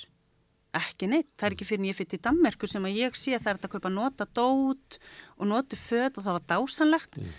Það var allir að kaupa nýtt hérna heima. Það er rosa þungt. Þannig að ég, hérna, já, hvað var ég að segja? Að að... Kærleikurinn, já, ég meina, já, þetta er ekki efnislegt og það, ég ætla að vísa til formaðina minna, af því að þú varst að segja langum mína. Mm. Uh, í öllum þeim, öllum sjónum, þá er ekki mikil efni. Og það er alltaf talað um ríkidæmið sem fólkið. Og þetta finn ég svo stert. Barnalánið. Blessa barnalánið. Og ég segi það bara, ríkidæmið mitt, það satt til borst með mér um jólinn. Herðu, þú sagðist um, hljómaði eins og þú hefði verið búin að taka ákvörðunum eiginlega að fara í frambóð, kannski núna, kannski næst, áður en að, að Guðni tilgita nættilega ekki. Já, ég var búin að undirbúti í tvö ár. Já. Já. Og hvað, hérna, Ég hefði farið þó hann hefði ekki farið. Þá hefði ég komið á mótunum. já, hverju? Af því að það er réttu minn. Já, ok. Og ég vil ekki býði 32 ár Já. að skiptast á. Mm. Uh, mér finnst bara 28 ár alveg full ná til að skiptast á. Mm. Og ef að við skiptumst á átakalust og kjósum konu, náttúrulega kjósum mig, að þá eru við líka sína heiminum, nei sjáu þau hvað þau gerða á Íslandi. Þau tóku bara rosalega góða umræði um sitt samfélag og hvernig þau ætla að lifa sitt samfélag og síðan sögðu þau, heyrðu, það er nú bara rétt að kona sér núna, það eru búin að vera karlar hér í 28 ár, þó bara aðeins tveir séu og einungis ein kona á öllum þessum tíma. Og þetta heitir að rýsa upp og rýsa yfir og vera heil og sönn upprun okkar. Þannig að þú ert löngum búin að taka þessu ákvörðun. Það er, það er, ég get ekki spurt að því hvort að, hvernig ákvörðun venjist. Nei, En það breytir náttúrulega svolítið þegar þú Nei, breytir Já, já, já, sko, stelpa mín, hún er nýjára, hún sagði, mamma má ég loksin segja frú fórseti á fastudaginn. En sko, ég náttúrulega verða að segja fjölskyldin minn þetta með góðum fyrirvara og undibúa þau og alveg saman hvort það veri börni mín eða maðurinn minn og svona venjast í hjartanu af því að Íslandi er engin fyrirsjónleiki. Við erum alltaf að fá eitthvað yfir okkur eins og öldur og það verður að vera eitthvað fast og kjarnað. Og þegar við getum veitt okkur það að þá eigum við að gera það. Og það er þessi grunngildi. Þannig að ég segja eigum við að ákveða hver grunngildi okkar eru og sameiginlega ákveða það. Ég get bara sagt hver mín grunngildi er ég stend vörð um líðræði jafnbrytti og, og hérna jafnræði og tjáningafrelsi mm. og mér finnst gott að hafa bara þrennt og passa það vel og gera það vel mm. Herru, Sigriður Huld hérna, takk fyrir að bjóða fram og gangið bara allt í hægin í komandi, þetta heiti kostningabarta Já, eða kostningalandsleikur Kostningalandsleikur Akkurat Gangið bara vel. Takk fyrir takk Og eins og ég segi þá munum við halda áfram að fjalla um fórseta kostningarnar sem verða fyrsta júni í sumar eftir því sem að frambjóðunir koma fram og sjáum til hvernig það verður á næstu dögum. En við ætlum að halda áfram að skilja heiminn og samfélagi sem við lifum í hérna við rauðaborðið næsti kapli eftir augnablik. Hvernig getur við réttlætt að helmingur eblingakvönna býr við slæma andlega heilsu? Ebling stjættarfélag. Baróta fyrir betra lífi. Samstöðin er í eigu hlustenda, áhorfenda og lesenda.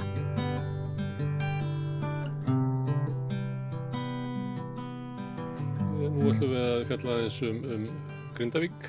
Það eru ganga yfir hamfarir, bæði náttúruhamfarir, en það ganga náttúrulega líka yfir hamfarir yfir samfélagið og einstaklingana, fjölskyldunar í Grindavík. Og Grindavík er margbreytilegt samfélag. Þarna er fólk sem hefur búið í Grindavík í marga ætliði og aðri sem hafa búið megnið að sinni æfi og annið aðri skemur, sumi koma langt að, það eru innflýtjendur þetta er flókið samfélag, mjög hraðvaksandi samfélag, kannski svona dæmigert samfélag fyrir Ísland á þessar öld, vaksið, já, já, já, pratt og, og við og hraðara heldur en á flestum öðrum stöðum.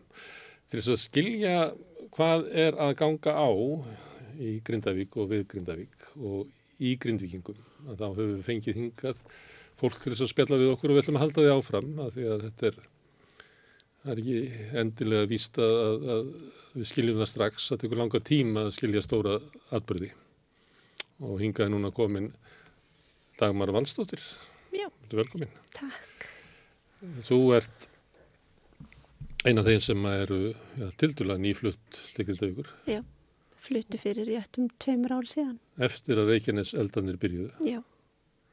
Og aldrei bjóst ég við að fara að kaupa gistjús í Grindavík en Nei. síðan bara gerðist það og sé ekki eftir því þrátt fyrir allt. Já.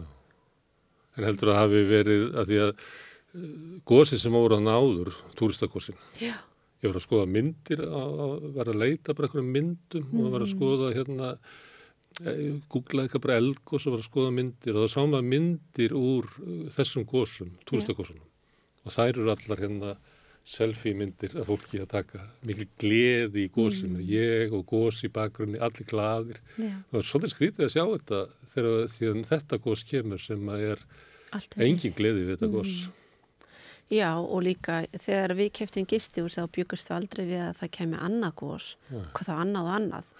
Við töldum okkur bara mjög heppin en það brjála að gera.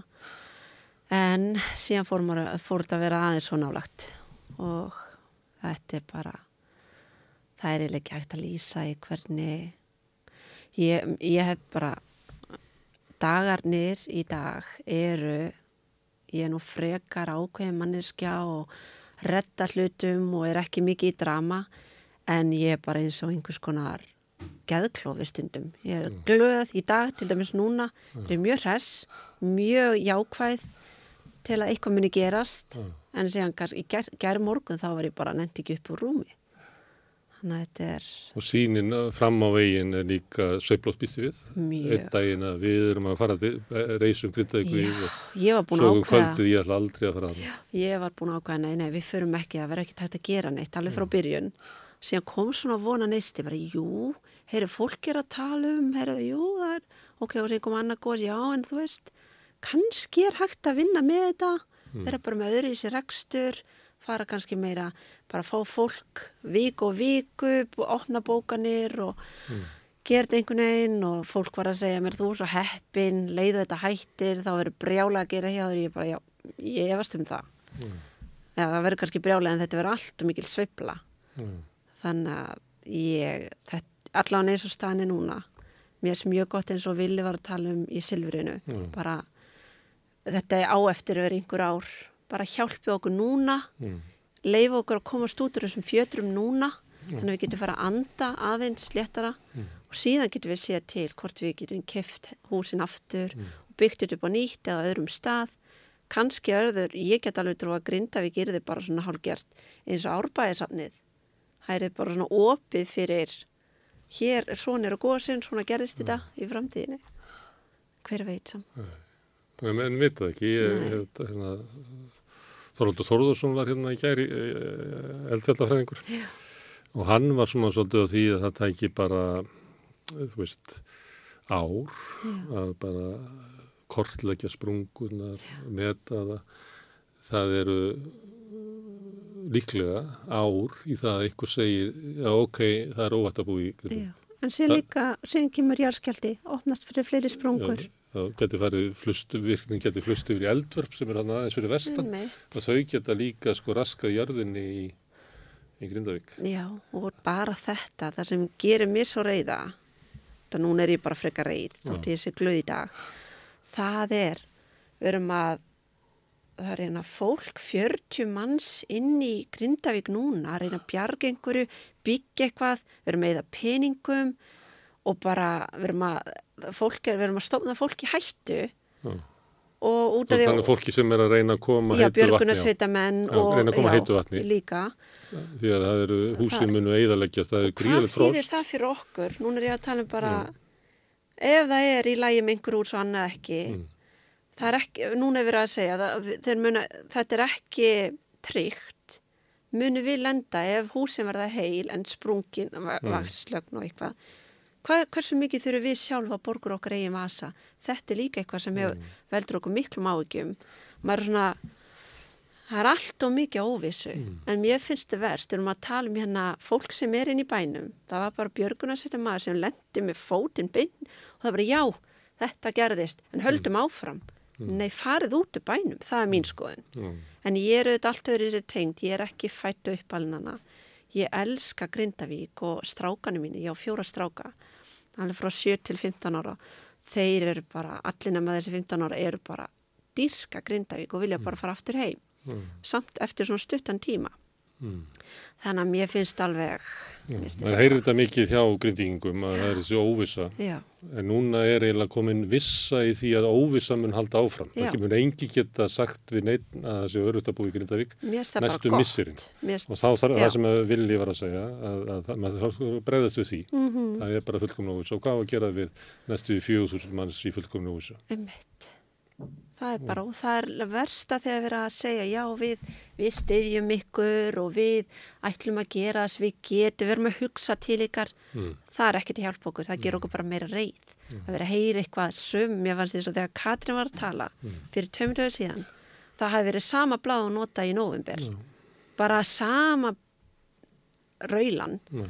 og ég bara, mér langar að sjá eitthvað núna og það hefur verið gaman að sjá hvernig fundurinn í kvöld eða í dag verður út af því ég er tilbúin í að mótmæla bara eins og ég sé frakki sko. bara þetta við látum ekki þú veist, það verður bara að gera eitthvað.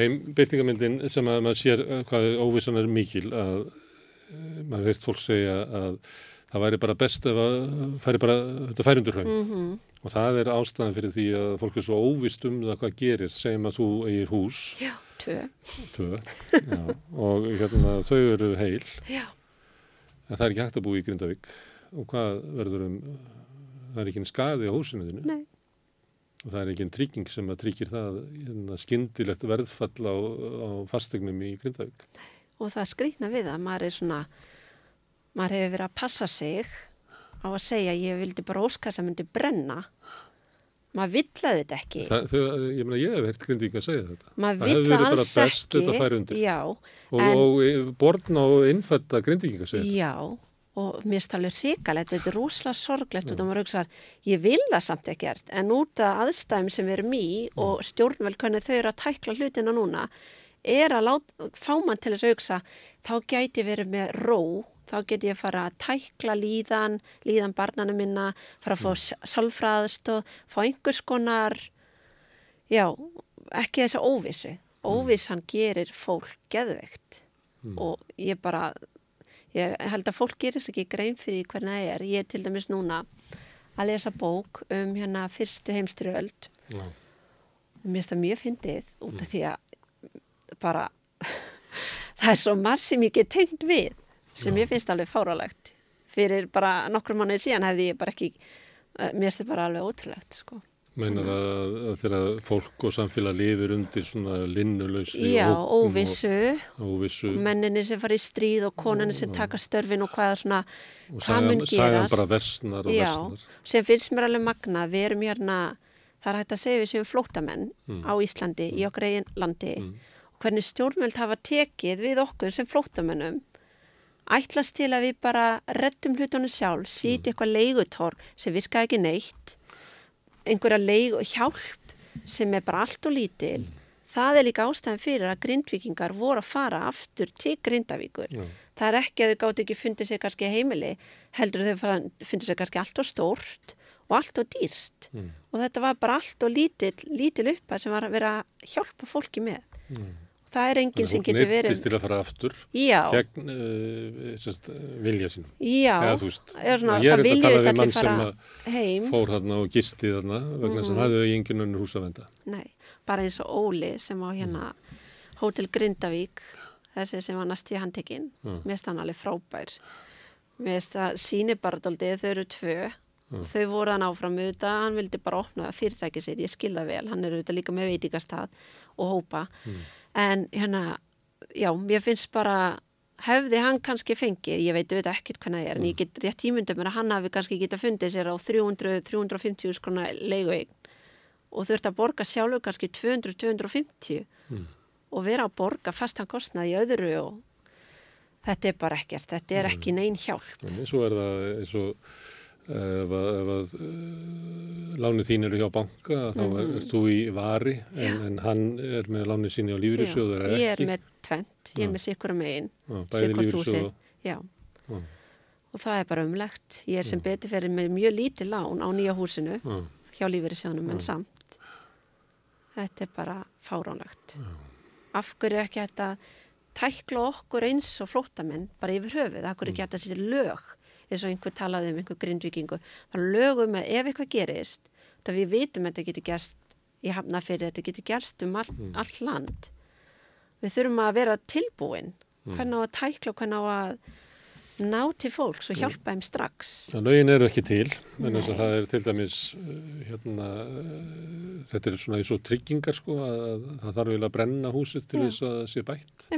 Það er ekki litið á annars konar skada Nei þannig að lögin hend ekki grindíkingur. Alls ekki. Og svo er, þeim, svo er annað er að, að, að það sem að bara alveg hann að jarðskjálta uh, förstu daginn þetta, mm -hmm. grindíkingur frá flúðu. Já. Að þá fannst manni svo augljóst að það var ekkert plan um hvað þetta að gera þegar þú varst svona að kera fram í að bláa lóninu. Já. Það var ekkert sem tók við þér sko. Þú gast farið inn í, í, hérna, á vellina í Íþróðahús En það var ekkert plan um það hvað gerum við til þess að taka á mótið 3800 gründingum? Ég til dæmis get sagt, uh, við byggum í Kópavóinum á undan, Já. þannig að þrýra fjórum strákunum okkar voru í Kópavóskóla og ég bara á mándeginu fór með þá, var, búin, var búin að vera að reyna að hafa sambandi í skólan og það var tekið við þeim rosalega vel. Mm. Bara, þeir fara inn, þeir þurfa festu mm. og þeir góði vinnir sem betur við voru búin að vera mikið í sambandi við það og svona þannig að þeir fóru bara strax inn í skólakerfið. En já, hvað voru þetta Það er gott að vera í sko eitthvað planum hvernig þetta taka á móti fólki Já, síðan erum við hérna, ég og maðurinn minn mm. þetta bara í einhverju húsnaði og rosalega heppin og síðan var jáverk sem voru með laust hús fyrir mm. aftan MK við fengum að fara þangað kostnalaus í fimm vikur, bara mm. ótrúlegt bara takk hérlega síðan erum við hérna á lappinu með hundin okkar hann að Brynju erum að lappa karsnesið og förum aðra leið við tökum vennilega ringin í á maðurum minn en mm. núna tókum við halvan ring og sáum hús til sölu mm. bara hm, það er ekkert að gera sér búin að senda hundra posta á þetta við erum auðvitað með hunda, þetta er alltaf mm. erfitt mm. en hérna á þetta leigutorg búin að reyna og reyna að finna eitthvað húsnæði rétt fyrir jól þvílíkt stress og bara hvað mun gerast að við höfum ekki nefnum þetta er 5. janúar og síðan hefur við samband við hérna fastinnasalan og hann bara já, heyrðu, ég skal tala við sískinu sem eiga þetta, búið að vera löst í þrjú ár. Þannig að við fengum að leia það. En við vorum líka að retta okkur sjálf. Það var Það er ekkert ekki leiðu torgur ekki stjórnarinnar. Ná, hversu mikið pening hefur verið settur í alls konar svona nefndir og torg og eitthvað? Bara leifið okkur, talið við okkur grindvikinga reynir líka að fá okkar álit á hvernig hægt er að tækla hlutina.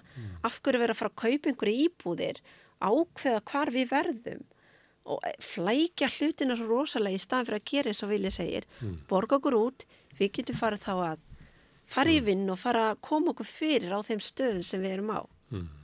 Þetta var íbúðunar áttu að vera, það var Bríett sem er leigufélag húsnæðis og mannvíkastofnunar áttu að kaupa þetta. Já, En þar er inni að þau eiga ekki að eiga íbúður á höfuborgarsæðin nei mitt Þannig að það hafði ekki verið hugsað fyrir það. Svo kom það reyndar í ljós núna þegar þetta setna goss að planið um að kaupa 220 íbúð, það var ekkert komið, það var ekki búið að kaupa þær allar. Nei, mitt. Og síðan líka bara eftir 18. DS þegar það kom, þá sá maður hvað það gerist svona. Það var að tala um að það væri einhverjir klukkutíma sem maður hefði. En þetta út að það er orðið svo grunnt, það er svo auðvelt að komast út. Þannig að þetta var miklu minni tími sem fólk hafði til þess að fara og flýja heldur en það var haldið. Og svo núna þá var uh, á fundi almannavarna, Já. það var sagt að þetta rýma uh, Grindavík klón 7 á Já. mándaskvöldi. Maður skilur ekki alveg af hverju erum við að tala um tveimur sólar, þegar hafið tvo sólaringa og þá ekkert að gerast þarna Nei, svo gerði það náttúrulega. Þannig það leit út eins og það hefur verið eitthvað svona samkomulega á milli almannavarna yfirvalda og einhverja hagsmunnaðala sem að vildu hafa meiri Já, opið. maður veit ekki. Nei. En við erum að tala um mannslíf.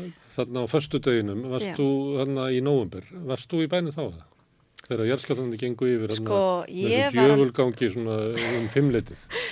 Ég var á leiðin á Kamstanga í Já. jókaferð Já, í hérna með kvan, já. með frængu minni. Þú ert heppin að hafa ekki, Nei. margir lýsa þessu sem bara hryllilega. Já, ég er auðvitað, ég á þessa fjóra stráka og maðurinn minn, ég ákvað þarna á föstasmórni bara, heyrðu, ég tek tvo, fæ eitt fór til frændasins og hinn fór til vinasins og ég bara hendi öllu fötunum í ferðartösku og bara, bara til öryggis og þeir bara, mamma, akkur, akkur þurfa að fara með öll föti með okkur í helgaferð. Og hérna, þannig að ég var komið með tvo í skjól, bara til öryggis, ég gæti ekki hugsað mér að fara. Og síðan átti ég auðvitað að halda áfram að fara í lótu í hérna á, frá mánudeginum á háskólum Akureyri út af kennarunum. Og hérna, en ég er þannig að keira upp eh, að kvamstanga á Frankenberg, við minn góð, þú verður að fá manniðin til þess að fara, þú verður að segja hjálta að fara út og ég ringi og bara, og ég veit, það er, við erum doldið ólíki og maðurinn minn, hann, það þýðir ekki að pressa hann, það þá bara fyrir í lás. Þannig að ég hef búin að ringja tvisar og við hann um að koma sér og segja hann bara, já, já, við erum ekki trætt við smá jarðskjálta. En þegar hann fann þetta undir, bara hér, þá breytist allt Þannig og að þá fór hann. þetta hefur bara allt annars jarðskjálfta. Við erum búin að vera að finna þetta mjög lengi og það er skrýtna við að þótti ég hef ekki verið á þessum Þannig föstu kvika að, að, að að inn. koma undir bæinn. Og við erum með tvö hús sem erum á, uh, húsin okkar er á milli grunnskólans. Mm. Grunnskólinn er reyðilegur, mm. allavega einhver leiti. Húsin okkar bæði eru heil. Mm. Við erum í eigabigð í húsi sem var gert við Mm. þetta eftir Vestmanneigagós og það er ekki, það sést ekki á því, allavega fyrir þetta. En hafið það dunga eða? Er það eh, lægra? Er, nei, það, það, siklus? það er beint, Já, en við vitum ekkert hvernig það er undir. nei. En síðan það bara rétt, það brotnaði einn stitta í borgarhaun í hérna gistihúsin okkar en annars var bara allt heilt. Og síðan erum við búin að vera sko, fara fram og tilbaka, eigum við að opna, eigum við ekki að opna, verður að opna, 21. DS. Það var bara, já, allir, fólk, eh, önnur gistihús og hótel, búin að opna fyrir bókanir, við erum að fara að opna. Ég var búin að tæma og taka rúmin í sundur, fara með í gám, heyrðu á ég kannski að fara að taka það aftur Mm. Síðan kemur þetta þetta gos og ég bara guðmig góður og hvað nú? Desembergósið? Já. Og eftir það þá bara ok, núna er samt verið að tala um að þetta sé að maður er búin að vera eins og jójó, eigum við að taka og maður með fyrir 18. DS var hann bara, vorum að sitja saman rúm og græja það sem ég var ekki búin að taka niður reyna að gera allan að þrjú herbyrgi tilbúin svona just in case og hann bara, hvað erum við að gera hérna? Hvað erum við snúst í ringi, við veitum ekkert hvað erum við að gera. Það, það er bara svona dálítið sýnir. Maður er svona, ok, ég var að gera þetta? Ég var að fæta vinstri, hægri, upp, niður? Já, Já, en síðan í síðustu viku þá hérna verður hyllilegt dödsfall að Já. jörðin gleipir mann. Og það lítur að hafa verið, þá kemur svona ábyggilega áfall um alvarleika þessar atbyrða, þeir eru það er ekki hægt að horfa fram í það lengur að, að hvað þetta er hryllilegt. einmitt Síðan kemur gós, miklu nær bænum heldur en að, að nokkur hafði búist við búist við. Og svo fjórum klukkutíum setna þá kemur bara sprunga næstu inn í bæinn og byrjar að, þannig að þetta hljóta að vera alveg rosalega svona búm, búm, bara nýtt búm. og nýtt og nýtt Ja, áfall alltaf verið að kippa fótunum undan fólki sem er búin að missa fætunar. Sko. Og þegar áðurinn þetta kurs kom þá hvað ég á Facebook í grúpun okkar, Já. Grindavíkur, íbúa Grindavíkur, bara gera smá könnun, miða við aðstæðna núna, hvað viljum við? Viljum við vera greitt út, út af því að það er svo margir sem segja að það verður ekkert gert, það verður ekkert gert. Eða viljum við bara halda áfram að búa hana? Viljum við vera greitt út og geta síðan keft upp á nýtt? Þarna, eh, eftir allt ástandið. Það var um 70% sem vilja vera greitt út og geta síðan komið aftur og þá bara kifta á sama verði eða eitthvað svipað. En það var samt 25% sem vildu vera áfram og síðan part eitthvað annað sem er svona fólk sem skrifa eitthvað annað. Ef húsið er skemmt þá vilja vera greitt út og eitthvað. En Það sem tógar í fólk er að, að, að þið hjónin og drengirnir, Mhm. þið getið flutt úr Grindavík og alveg svo þið fluttuð þangað Já. og byggt upp ykkur líf annar staðar og, og líka fólk sem hefur búið alla sína hunds og katta tíð í Grindavík að það getur fundið framtíð annar staðar. Já. En það sem að tógar á móti er náttúrulega að tilera samfélaginu. Já. Og, en það, er, og það mun ekki fylgja ykkur. nei, og það er það sem mér finnst og ég grenja Já. mjög oft yfir. Bara allt í í bílinu bara fyrir að gráta út ég hugsa bara allt þetta fólk, þetta samfélag ég er nú ekki búin að búa lengi ég hefði orðið ennþá meiri partur af samfélaginu. Ég er að, var að vinna á Krók leikskólanum og bara indislegt fólk sem var að vinna með mig þar. Grindavíkubær stóð sér hræðilega með því að tækla þann hluta en ég ætla ekki að fara út í það. En bara þetta með við erum í, sko þessi heild, þessi kraftur fólk, þú veist strákanum mínir, það eru tveir af fjórum sem eru Íslandsmeistari í körfu. Mm. þegar þeim var bara tekið og það var bara bara allir, kennaranir, krakkanir og mér, þú veist, það er oft talað um svona lítil bæjarfélag, er ekki droslega opin, ég held að það sé meira hvers konar persóna þú ert, hver, hversu opin ertu fyrir að taka já, verða partur af samfélaginu fólk heittist oft í, sko, á íþrótæfingunum og leikjónum Já. í leikskólanum Alveg. og svo áttu líka hund Já. er, já, Það er- það alveg rétt fólk það kynnist í gegnum hundana. Sko. en sko leikskólinn, ég held að það hafi hjálpað mér mest Já. þar kynnti sér krökkunum ég, var, ég hef aldrei inn í leikskóla áður ég ætlaði sko ekkert að fara að vinna þar en síðan var ég í sundi og þá kom, þá var ein kona sem er að vinna leikskóla mamma vinn svona minns og hún segir eitthvað, "Ó, það var ástand í COVID, eru það allar óléttar. Þannig ég hugsa, hmm, það er fullt af fólki í fæðingarólofi, þannig að ég ætti kannski að kíkja á það og vera svona bara í janúar, februar þegar lítið er að gera á gisteimilinu og fara að vinna í leikskóla. Og ég gerði það og síðan fór ég að læra þetta. Og það hugsaði bara ég, það er ekkert meira indislegra en að vera með börnunum og, og hitta það og síðan á æfingum og körfubólta og það er nefnilega og síðan núna er ég að hugsa hvað vil ég læra þetta núna? Læra að kennara, ég, ég get ekki ímynda mér að fara að vinna í leikskóla eða skóla á höfuborgarsvæðinu Þetta var bara tengt upplifin þinni í Grindavík. bara fólkinu, ég þekkti fóreldrin, ég var að kynast fóreldrinum, ég, þú veist, þetta er svo miklu nær. En í kópaðin maður fara að vinna og veit ekki eins og hverju fóreldrin eru eða, en ég ætla að gefa sér séns, ég er núna hugsanlega að fara að vinna í hérna Uriðarholti. En eh, eins og þið tala núna þá er hérna verða, meina það verður óvissa eh, lengi ennum sinn Já. og vonandi hérna bregðast stjórnvöld við því.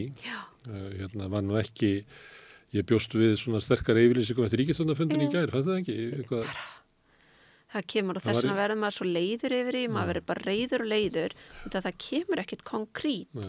það er alltaf að tala um, já, síðan munum við í næstu viku fara yfir og gera það en aldrei eitt svona hvað ætlum við að gera, hvernig ætlum við að tekla þetta? Við og líka svolítið að halda því fram að þau hafi gert eitthvað. Við Já. gerum þetta og við gerum þetta. Já, samt vita líklega allir grindvikingar Já. að þetta er ekkert að virka Nei. þannig að þetta eru yfirlýsingar sem er ætlan handa mér líklega þannig að ég trú já þau eru að sjá um þetta máli svo heyrir maður í já, og þá finnir maður að það leikur við að stundum eins og grindvíkar séu að fara að gjósa bara Já, en mér finnst líka ma magna, til dæmis bara vinið mínir á höfuborgarsvæðinu og fjölskylda. Þau eru bara, þau, þau eru svo heppin, það er endalist verið að hjálpa ykkur, ekki verið að hjálpa ykkur. Ég er með fyrirtæki. jú, það er verið að tækla sko launalega en, en hvað með restina? Við erum bara ennþá hvað getur við stjórn, þú veist það er fullt að fullt að kostnæður sem er að hrúast upp og við erum ekkert að geta borgað og við erum ekkert hvenar og þetta veldur meiri áhyggjum. Það er ekki verið að ég skil vel að þið geti ekki sett ykkur í okkar spór en við erum samt með bara mjög við erum bara að segja ykkur hvað við þurfum. Já. og núna þurfið þið þjóðfélagið, bara allir að tækla hlutina strax eins og hún sagði hérna í Silfrinni, mann ekki hvað hún heitir Ásrún held ég. Hún talaði um að einn dagur eins og bara þetta er eins og mánuður fyrir okkur. Þetta er ros, það er þessi tími stanslust að kíkja á veðbúndurinn stanslust að kíkja alla vefmiðla, hvað er að gerast? Mun ekki að gerast, vilja eitthvað gerist? Eða gerist ekki neitt? Hvort er betra? Já, já. Þetta er svona þetta er bara hrikalegt. ofan á, ég veit ekki hvað þetta kallar þetta náttúruvás kvíða. Já. þá er bara afkomu kvíði og óvissan, óvissa Það er er rosalega grefur undan manni. Já, og það sko einu, já, eina fólki sem getur skila okkur eitthvað eru vestmanningar sem byggu við gósið en það er samt munur þar var það einu sinni og síðan var að tækla rosalega vel. Og þessum tíma hvernig það var tækla er alveg magnað en við erum að tala um aftur og aftur og aftur og aftur og þetta verður kannski næstu 70 árin. Hvað ég var að þurfa að býja lengi? Og hversu mikla hjálp? Hvað er verið að margir ornir öryrkjar og bara þurfa að vera sálfræðast og það kostar þjóðfélagi líka. Þannig að við þurfum að hva, bara, og svo, já, og svo líka veit engin kannski hvers konar grindavík er hægt að byggja upp aftur. Nei. sögum fyrirtækin uh, eru flutt, er ekki orf líftækni komin í gróðurús eitthvað á Suðurlandi jú. gróðurúsi þeirra er ónýtt það er, hérna, hefur sérst á, á myndum af, af þessu setna gósi að það er hérna rétt innan við varnagarðin Mhm. en mér skilst að það sé löngu orðið ónýtt bara Já. af jarðskjálftanum sko. Já, einmitt, það er bara allt í Já. móli, sko. Já, og svo er hérna náttúrulega búið að selja eh, vísi já, Þannig að nú er það eigendur ykkur starf Ísturlandi og á Akureyri sem að taka að gera það. Einmitt. Og það er, ef það er ekki hægt að nota fristihúsi þar að, í eitt ár eða tvö ár eða þrjú ár, þá er kannski óleiklegt að rekna með því að, að sko vinslan fari svo aftur þannig inn. það hversu Þannig að- mikið mun það Þannig kosta að, að svo einhver leiti er svona atunlíf grindavíkur að leysast upp. já, og ef maður horfir á það Gistuhúsið ykkar, kannski munir því fara áfram í gistuhús. Það, það ég, er sko, ég er nú þegar farin að leita í, ég get ekki verið róleg, ég er bara með ADHD döðans. Já. Ég er strax farin að skoða, Suðurland, Austurland, hvar getur við keift gist í hús eða hótel eða hef enga penning eins og staðan er, en ég, þetta er það sem ég elska. Við erum gegnum með túristana og tala þau tungumál sem þau tala, ég tala fimm tungumál, þannig að það finnst mér vera, það er eitthvað sem kallar á mig, kallar til mín. En já, það, það er svo mikið sem þarf bara að laga og þarf að gerast strax. Það er að berga fjölskyldunum með ykkur. Já, En svo verður bara komið ljós hvort að sko samfélag grinda ykkur hvað það er og hvernig það verður. já, Þú talar um eins og íþróttafélagin. Þau hafa haldið uppi út í æfingum. þetta er bara, og við, fóldrarna hittumst, Já, já. krakkarnir hittast, Já. Sónum við var að fara í hérna vatnaskó með og hann er að fara að fermast þegar ég fór að sækja Mm. hann er nú frekar lokuð típa þegar ég fór að sækja hann fyrir framann alla gerðan svona alla faðmaði mig fyrir framann alla Já. og sem hann að faðma alla vini sinna og kveðja þá það hefur eitthvað gerst hana sem sýnir þetta, þetta, er, þetta er alveg magnað hvernig maður verið partur af heild sem maður vildi ekki, maður vildi ekki að þetta er því svona en maður verður það ég myndi lýsistóldi, ég drekk ekki, ég er AA-manneskja. Þegar ég fór í AA, ég fyrir á konufundi og við erum alveg þessi orka og þessi nánd sem við höfum, sem við höfum allt sameilægt. Þetta er alveg svipað nema þetta er Grindavík. Þannig að ég vildi óskast að ég geti bara tekið alla, geti bara flutt öll saman í eitthvað félag, samfélag. Þú mennir að sá reynsla getur hérna, Já, tengt okkur. tengt okkur og við getum og hefur- eitthvað sem ég hef aldrei vilja kannski þurft að hætta að drekka en ég er rosalega heppi með það finnst mér. Og ef við getum átt við hérna vondu reynslu eða illu reynslu og þá getur hún orðið gjöful, Já, gjöful í, en þá kannski eftir að koma í ljós hvernig það verður með, ég held að við grindvíkingar verum alltaf tengt og rosalega vel tengt. Miklu tengdar heldur en við hefðum verið hefði þetta ekki gerst. en saga, þú vísaði Vestmanni að það sé svona afreiksaga. Já, Sumuleit er það svo saga sem er haldið að okkur. Mhm. að það var náttúrulega hvernig bæri var rýmdur, hefnin, það voru Mhm. allir bátar í höfn. Ef við myndum gjósi Vestmanni núna þá verður þetta ekki hægt af því að síðan er kótakjörðu búin að þurrk út alla bátana þannig að það eru samsjöppin í sjáurútvegi þannig að það eru miklu færi bátar. já, En það er, er afreikið og hvernig landsmenn tóku á því Mhm. og Óli Jó í sjónvarsal uh, Vestmanni er munur Ísa og allir ætti að fara heim og svo fóru allir heim, fóru ekki allir heim, fóru bara um helmingurinn fóru heim Mhm. Og hini sem að voru eftir að þeir upplöðu sér svolítið að vera kliftir frá Mm. samfélaginu að þeir veru svikararnir að hafa ekki komið út í eigjar og byggt upp. hvað aumingaskapur. Já, það eru alls konar sögur sem að er ekki, rúmast ekki inn í þessum boga sem er verið að segja okkur hverju Vestmanniða sagan er Einmitt. Og, og það var svo sem bara eftir að koma í ljós hvernig sko og líklega erum við bara á öðrum tímum núna en við verðum eiginlega að hafa einhverju svona breyðari sögu um hvað er að gerast. Þannig að þessi rúm fyrir þá sem að vilja fara aftur til Grindavíkur en líka rúm fyrir þá sem að segja bara eftir að hafa upplifað hvernig hérna e, bara jarðvegurinn er að brotna undir fótunum á mér og ég veit að það er að ganga inn kvikugangur undir fótunum á mér að ég bara get ekki verið á það. Nei, ég get sagt að ég og maður maður vorum að horfa á Silfri í gær og ég finn titring. Já. og ég er nú ekki hrætt við jarðskjálta og ég bara, fekk bara kvíða. Og hann alveg hvað, fannst þetta? Það var engin, eða, það kannski hefur eitthvað verið en mjög lítið. En þetta kemur svo óvart hvað maður er svona hver, hvers konar áhrif þetta hefur á mann. Bara þessi smá smá titringur og þá fer maður í lás. Það eru svo opin und. Já, þannig að það þarf að vinna í okkur Já, og ég verð að segja þetta með tollhúsið, margt gott.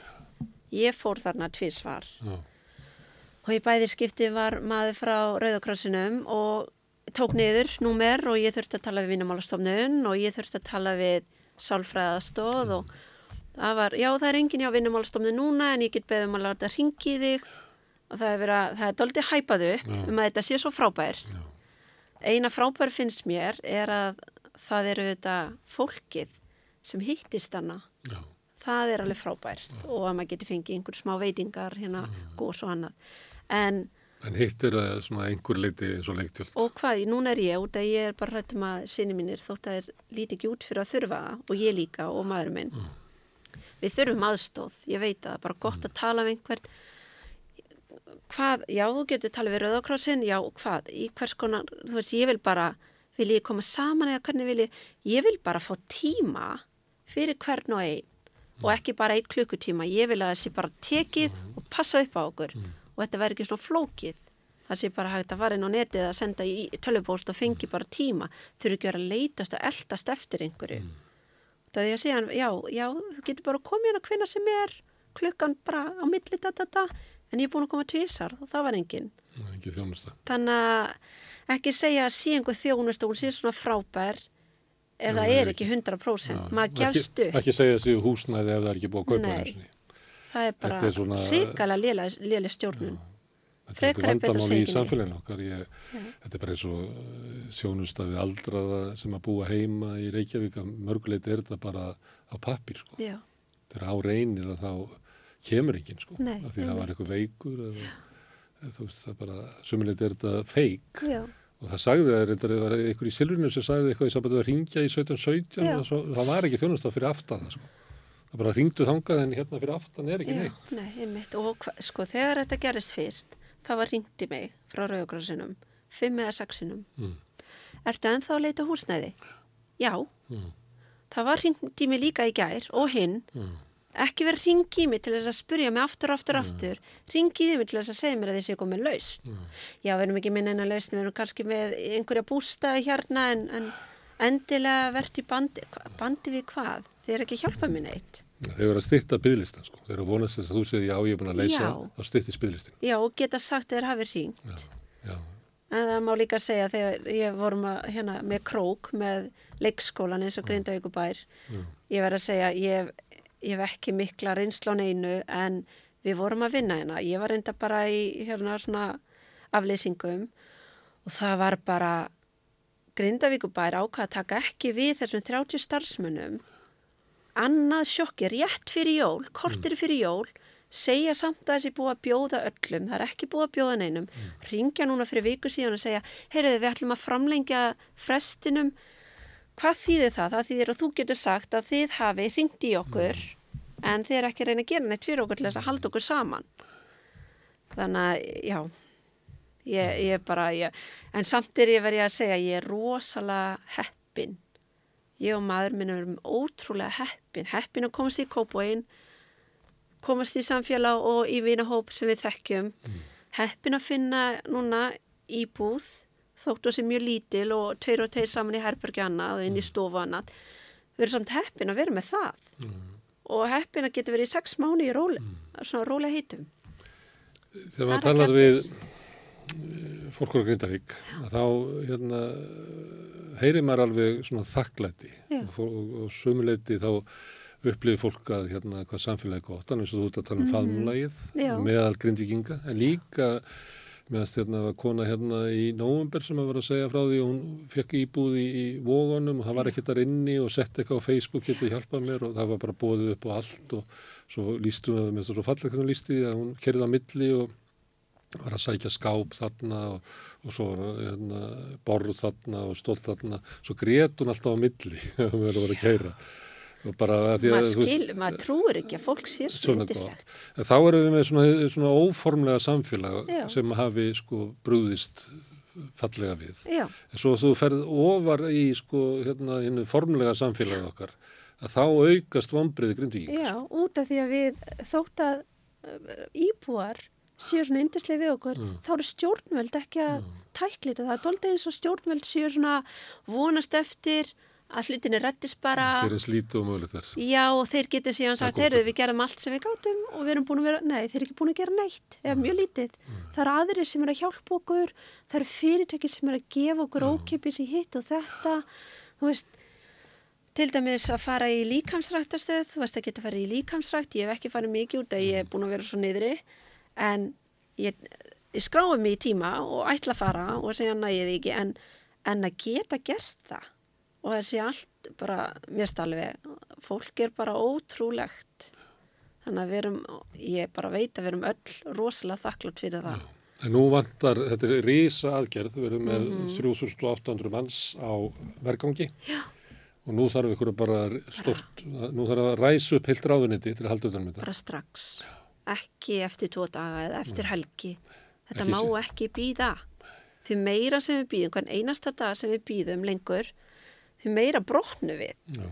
og verðum reyðari En að því að hefur tekið þig tíma til þess að átta þig á alvarleika atbyrðina, Mhm. svo náttúrulega elda atbyrðina að verða alltaf alvarlegri, en það er líka einhvern veginn að þetta tekur tíma, kannski einhver augnablika eins og þegar sprungan fer inn í bæin, þá Já. kannski bara átta fólk sig. Já. En stundum er þetta bara eins og þú ert að lýsa í, í, í nóvumber og desember, mm. eins og fólk er ekki alveg að meðtaka hvaða atbyrðið er. maður byrjar á því að maður fer í svona survival mode Já. og maður er bara á fullu að redda og passa upp á börnin að þau finnir fyrir sem minnstu. Það er ótrúlega skrítið að vera þar. Í einhver tíma líða ágætlega þú veist við erum bara að redda þessu. Síðan fyrir maður í einhvers konar svona hræðslu síðan verður maður reyður og núna er maður bara orðið svona heyrðu, núna verður eitthvað að gerast. Við erum búin að býða nóg lengi Það sem ég skynja uh, eins og grindíkar sem var að gjósa. Já. En, en eh, stjórnvöld eða bara ríkistjórnin, hún er náttúrulega svona líka, þú veist, kannski er hún ekki bara búin að það er ekki runnu upp fyrir fólkinu, Já. hvaða verkefni við erum í höndunum sko. Nei, en er Af það því að ykkur leitir þau líka í svona afneitun. Ég- Mér fannst það sérstaklega já. því þú vitnar í Katrínu. Mér fannst hún vera með eitthvað ræðu sem var á vitlisum tíma. Mhm. Hún var að tala um að verja byggðina. Það gerir maður bara reyðari Já, það ekki.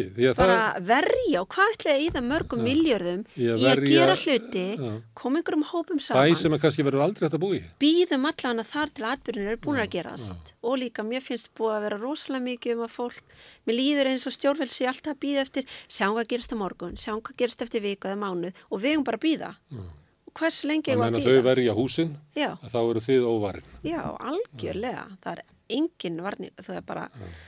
það er ekki í lagi.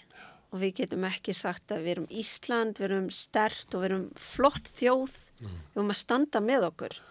Við erum að hjálpa öðrum ríkjum líka þú veist stríðsríkjum en við þurfum að horfa innviðina líka. Við þurfum að laga það sem það er ekki hægt að hugsa já já ef við gerum eitthvað fyrir ykkur núna og ef þetta gerist aftur við þurfum að tækla hlutina í dag eins og þeir eru í dag og reyna að komast hjá því að þetta gerist aftur. aftur. Það er það sem að, ég held Það að sé þetta lært á honum, það Þor, Þorvaldur Þorðarsson, svo vitna eftir í hann, hann var mikið að tala um þetta, að þó að Íslandika svo kannski góðir í átakinu, geti verið Mhm. það, að þá er þeir ekki góðir í fyrirhyggjunni. Nei, og þessir varnagarðar, hitavitan hefði alltaf verið komin löngu ofan í jörð, því að við erum Þetta- búin að hafa sko þrjú ár, og við erum alltaf þetta reddast. Það er hugurinn okkar. Það er ekki sniðt í svona. Að vera þetta reddast, við sjáum hvað gerist og síðan þurfum að fyrirbyggja hluti betur það er algjörlega þetta mun vera hérna Reykjanes eldar hinn í nýrri Mhm. en nýju munu verða svo lengi sem að við lifum. ég held að er Kanski verðum lindir að börni þín verða orðin fullur fólk. bara já, En þau verða svo lengi sem við lifum. algjörlega Og það mun flakka á milli, koma Mhm. svona atbyrðir sem að mun ógna hafnafyrði og vógum og, Já. og ógna Reykjanesbrautinni og, og ógna svartsengi og Mhm. þá verður að vera eitthvað lausn á því hvað ætlar að gera við hitavitun og öllum, já. Við þurfum að skoða bara hvar eru mestu líkunar á að það kjósi við vitum það, við, þegar við horfum þeir vita það, allir, sem, allir þessi sérfræðingar. Við, sáum, við vissum að það var vitað um þessar sprungur þegar byggðin var gerð. Þannig að við ættum alveg að geta svona sirka, sirkað á hvena hlutinu gerast eða, eða hvar þeir gerast næst það var ekki gert samt. Nei. Þrátt fyrir eh, til dæmis að þetta verið vitað og hérna, það er aðrið trösti sem skrifa þessa bóka sem er eiginlega sagt sko. Já. Og ég, jarðfræðingur sem ég þekki, hann segir sko, ég veit ekki hvort þetta er satt eða hvort þetta er bara aðferð við að segja hlutina, Mhm. að það er engin jarðfræðingur sem býr á í Versmanni með Grindavík. Nei, Þannig að það var, það? var vitað af þessari, þessum möguleika. Ekki, í þessu fælst ekki spá að það muni gerast. nei Heldur er það Ok. möguleik að það geti gerst. Já, en síðan líka, síðan spyr maður, ég er nú ekki, bara ef Bjarni Ben myndi búa í Grindavík, myndi hlutinni gerast hraðar, maður veit ekki, myndi vera að teki meira á hlutunum eða væri einhverjir, sko, já, eða væri rétt að fólki byggja þar. Mér finnst bara, mér finnst alveg magna hvað stjórnvöld eru dofin og, og bara ég skil að vilja að þið geti ekki sett ykkur í okkar spór ef við erum búin að vera hérna núna vikum saman að reyna að segja að við getum ekki meir. En samt gerist ekki neitt nema eitthvað svona við erum með ykkur, hugurinn er með ykkur. Það er bara, það er bara ekki nóg. Og undan þessu tíma, áður en að jarðskjáltandi koma þannig að var það 10. november, að þá voru þið náttúrulega búin að búa við jarðskjálta Já. í nokkur ár. Já, og búa við Reykjanes elda áður. já Þannig að þó að það, það ástand sé ekki í líkingu þar sem að Nei. eftir kom, að það var það samt kannski sem hefði átt að vekja upp einhverja aðgerra áfæðan. Já, ég var til dæmis búin að, ég var að tala við hérna Kristrúnu, eina sem er að vinna með mér tveimur dögum áður, þá var búið að vera skjálti alla nóttina og við vorum bara þannig í kvíldin eitthvað að tala, hvað, hvað það er verið að segja um að vera tilbúin, hvað ætlað þú að gera? Og hvað myndið þú taka? Og hún var búin að gera lista fyrir börni sín, hvað þetta að sitja saman. Og, maður, og síðan þegar við hittumst eftir bara, hver hefði trúað? Eða þegar ég var að skrifa hérna, teikna farin, blað fyrir bæði gistihúsið og hús, ég hugsaði bara, þetta er nú bara, ég geri þetta til þess að vera örug, ég er ekki að fara að gera þetta í geðhræringunum að fara að skrifa farin, þannig ég gerði þetta, en manni fannst þetta samt bara, þetta gerist ekkert. Þetta verður bara jarðskjálti, en svo gerist þetta. Verður Dagmar, takk fyrir Já. að koma enga og gefa okkur einsinn inn í, í ykkar stöðu. Já, takk. Takk. Og gangi ykkur bara allt í hæginn. Takk fyrir. Og við ætlum að sitja hérna áfram og reyna að skilja samfélagið sem við löfum í næsti kapli eftir augnablikk. Hvernig getur við réttlætt að helmingur eblingakvönna býr við slæma andlega heilsu? Ebling stjættarfélag. Baróta fyrir betra lífi. Sláist í hópin og gerist áskrifendur.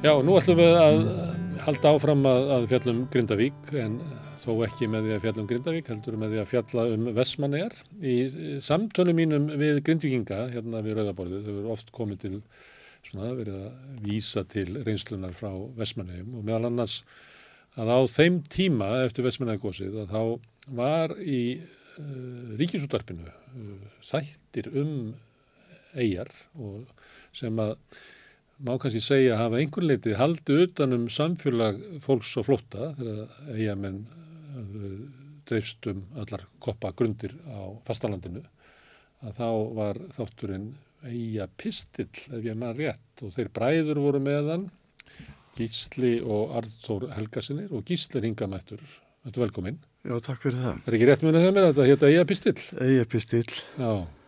já, já. Og þetta byrjaði eftir gos? Já, þetta byrjaði, uh, viltu fá að heyra sögum Já, ég, ég, þetta er sögustund, þú kemur að segja mér sögu. Er, er þetta sögustund? Já. já.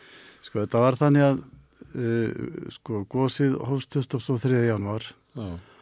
Og ég held að í annari viku gós að þá var farið að auðlýsa þátt sem hétt eigapistill og svo fjall eigapistill alltaf niður mm. nema svo mánudaginn 5. februar þá ringir Magnús Magnússon bæjastjóri svo ágættum aður mm. í okkur og hilsa mér og segir viljið þið bræður koma fram með efni í eigapistlum mm og við okkur því ekki vel og samist eiga fullt af upptökum og, og svo bara var það bundið fastmælum að það er haft samband við okkur og við myndum hugsalega koma fram með eitthvað efni. Já. nema svo ringir símin einum og hálfum tíma síðar og, og Stefan Jónsson fréttamaður sem var gammal vinnur okkar hann er í síman og segir hefur Magnús bæjastjóri talað við ykkur Já. og hvað saði Magnús Já. og við sögum ánum það og þá segir hérna Stefán vart alltaf dimrataður það er nefnilega það Magnús er alltaf rugglaður eins og allir því vestmannegingar á þessa dagana Já. en frá og með morgundeginum eigi því að sjá um þátt sem heitir eigapistill af reynusri viku 15 mínutur senn og ég hrópaði eitthvað upp og hann saði ekki, ekki stáða mig. Þetta verður hengi vandi þetta var svona fjóð-fimm aðri tilkynningafréttir sögur og fleira og mm. þið farið létt með þetta. Þið klárið þetta á tömum tíma á dag. Og svo bara stjælt á. Mm.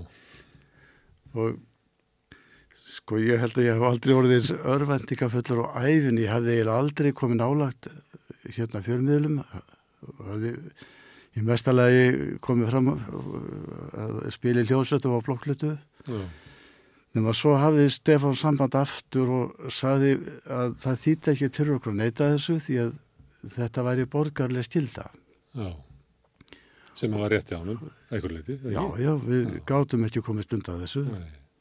og Artur var í háskólum, ég held að hann hefði verið í hérna sagfræðinami og ég var að burðast við að byrja að læra lagfræði sem náttúrulega fór út í verstinn ja. nema svo hefst þátturinn 7. Eh, februar á miðugudegi þar sem Stefán fór svona yfir tilgang þáttana, tilgangur var sá fyrst og fremst að miðla fréttum til Vestmanniða og segja frétti frá bæjastjórninni eða útlagastjórninni Já og síðan gætt fólk auglýst eftir uh, hlutum að því að mm.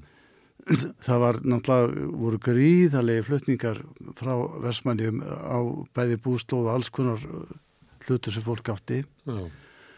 og það var alltaf eintjænandi fyrir auglýsingarnar það var sagt þessu, þessu, þessi tapaði þessu sem fór á sínum tíma til Þorlánsafnar eða Grindavíkur eða hvert sem fóru og svo náttúrulega unnuvitaldið í því að, að hérna fólk hafði eh, samband þannig að það fikk að vita hvar vinnur ættingjar byggu Samben maður sem var á, á Vélbátur eigum hann var beðin að ringja í fóaldra sína í, í eitthvað símanúmer út á landi og hvað 48-5 eitthvað þegar maður rétt. Mm. og að því að þau byggju núna eh, eitthvað starf annar staðar heldur en út í eigum mm. og, og þetta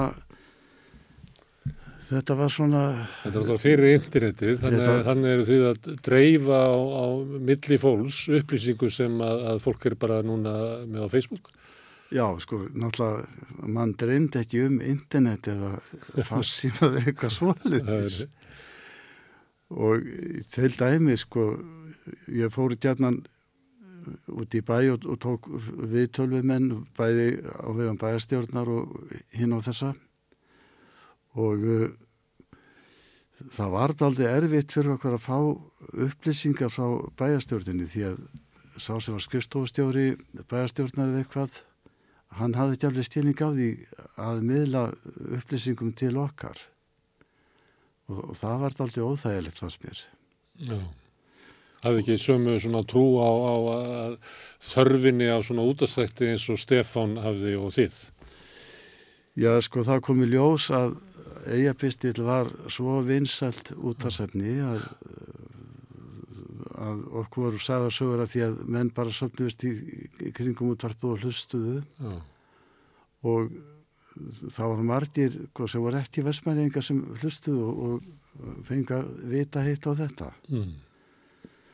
og síðan hérna tóku við sko við vorum með hérna alltaf segulband við síman því að við tókum upp alls tíðs efni sem við eh, fengum eins og til dæmis þegar var verið að auglýsa eftir svartum plassboka og þar í voru kvennarböksur, norsk biblía og sultukrukkur og eitthvað svolítið no. og svo þróast það út í það að fólk fór að senda hvert öðru afmæliskveður og við reyndum að hafa þetta með svona léttu ívafi því að Við náttúrulega þerrbjörðum alla reglur rítisútarsins og bara heldaði fram að þetta væri útvarp versmanninga og það kemur einhver við hvernig við myndum nýta þetta. Já. Og uh, ég held að þetta létta yfirbræð hafi daldi hjálpa til að auka vinsaldir þáttana Já. og eins að fólk uh, hafði samband við okkur út af ymsum hlutum. Mm og það var bara þannig að ef þetta hefði verið alltaf bara þurr upptalning með eh, tilkynningum, fréttum og eitthvað slíku mm. þá hefði kannski þátturinn ekki lifa hjá blendi og hann gerði mm. því að sko þessir þættir urðu alls 261 eða 2 mm. og náðu alveg frá hérna 7. februar fram í loka mass 1974 árið eftir Já. og fyrst var þetta á hverjum einasta degi og síðan sexinn í viku, svo tissar í viku og svona smá hérna fækkaði þáttunum og þángar til að þeir runnu sitt skeið. Já, en þegar að þið byrjið með þá, þá höfðu þið aldrei séðum út af státt Já, já. Já.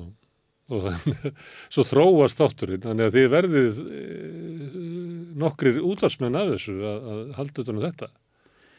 Það ekki? Jó. Það þróast og verður svona fjölbreytilegri efnistök og þið ráðið alltaf við meira það ekki eftir því sem álýður Jú, jú, sko við náttúrulega lögst gríðalega reynslu við þetta og náttúrulega Stefan var náttúrulega alveg frábæri kennari Já. og við lærðum mjög mikið af honum og, og Við mann til dæmis eftir því að, að fyrsti þátturinn sem ég komin álat, það var held ég 9. februar, þá tók ég óbáslega flott viðtala því að mér fannst við Sigurður Jónsson sem var kennar í, í Vestmanningum og ég held að hann hafi verið einmað rétt með hérna barnaskólan í, í hérna hverjargerði eða börn þar Já. og ég tók sko viðtalið í gegnum síma upp á kassetutæki og svo þegar við förum að hafa þetta yfir, yfir á segurband sem að senda út af að þá er ég manna stoltastur af því hvað, hvað ég var óbúslega góður út af smöðrið að þannig? Og nema svo eftir tvær mínútur þá stoppar Stefán og segir stopp. Og ég segi helmingurinn er eftir enn. Og þá landan í borðu og sagði ég hef búin að segja þér og ykkur báðum að þetta eiga að vera, að vera nýtt með efni afgangurinn er bara helvitis kæft eða hættu þessu. Já, og ég var alveg brjálaður út í Stefán fyrir þetta mér fannst hann sko ykkur liðalegsti maður í jarði ríki að, að, að hafna þessu en hann alltaf hafði alveg hárið fyrir sér já.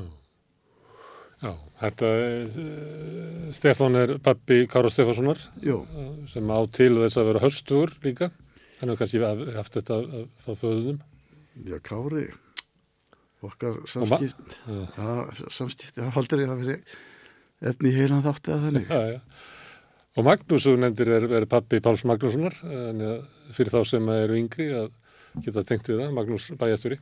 Jó, Magnús var uh, góðu krati Já, og einstakt góðmenni og það eru fáir sem hefðu komist já, klakklaust í gegnum þetta eins og Magnús því hann held alltaf rósinu var alltaf yfir, yfirveður svipa og fannar Grindavík. Já, já, en sko þessi menn hafa öruglega átt sínar erfiðu stundir Já, já.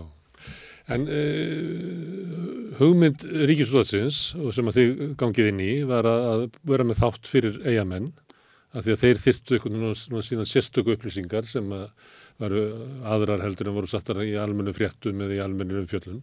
Þannig að ykkar svona publikum er uh, samfélag vestmanninga sem hafði raunverulega splundrast og dreifst út um uh, all land. Já, já, og einhver leiti þá er uh, þátturinn ykkar svona það sem að þetta samfélag tengist aftur saman við að hlusta í þetta var þetta bara korter? Já, sko máli er að þegar gósið hófst í Grindavík ég man ekki hvernig það var en þannig að þegar þegar hérna farið var að hugsa fyrir varnagörðum já, þá leiði mér þannig eins og ég væri aftur komið á vaktina. Já, og mér fannst það ekki eitthvað sniðu þetta var óþægilegt og, og ég einhvern veginn upplýði þennar hrylling aftur út í eigum já, en svo náttúrulega voru stjæmtilegi hluti líka. Já, eins og þegar farið var að uh, hérna þegar farið var að nýta raun hítan til uppbytunar húsa það var Sveinbjörn í opnarsmiðinni sem uppkvötaði það og einn góður vinn minn uh, vann við raun hítavituna eða allstíðsmælingar þar. Já, og svo var honum hérna var hann látin í það að mæla gasi í húsum því það gætt reynst lífshættulegt. Já, og hann sagði mér frá því að reyndar í fréttauka sem ég tók fyrir útvarpið að, að hérna, hann hefði sérstaklega túbur til þess að hérna, mæla gasið því að það var svona kvarði á túbunni og ef hann fór og fátt upp þá var þetta verða hættulegt. Já, en hann var beðin um að fara varlega með hérna túbunar, gastúbunar eða sparlega því að þær eru svo rosalega dýrar. Mm, þannig að hann fann að þegar hún fór að hittna of mikið á milli fótana þá var þetta verið hættulegt já, og svo sað hann ég hef ekki séð konuna mína frá því í byrjun goss, núna kemur hún heim eftir rúmt hálft ár og nú er bara að sjá hvort allt drasli já, já.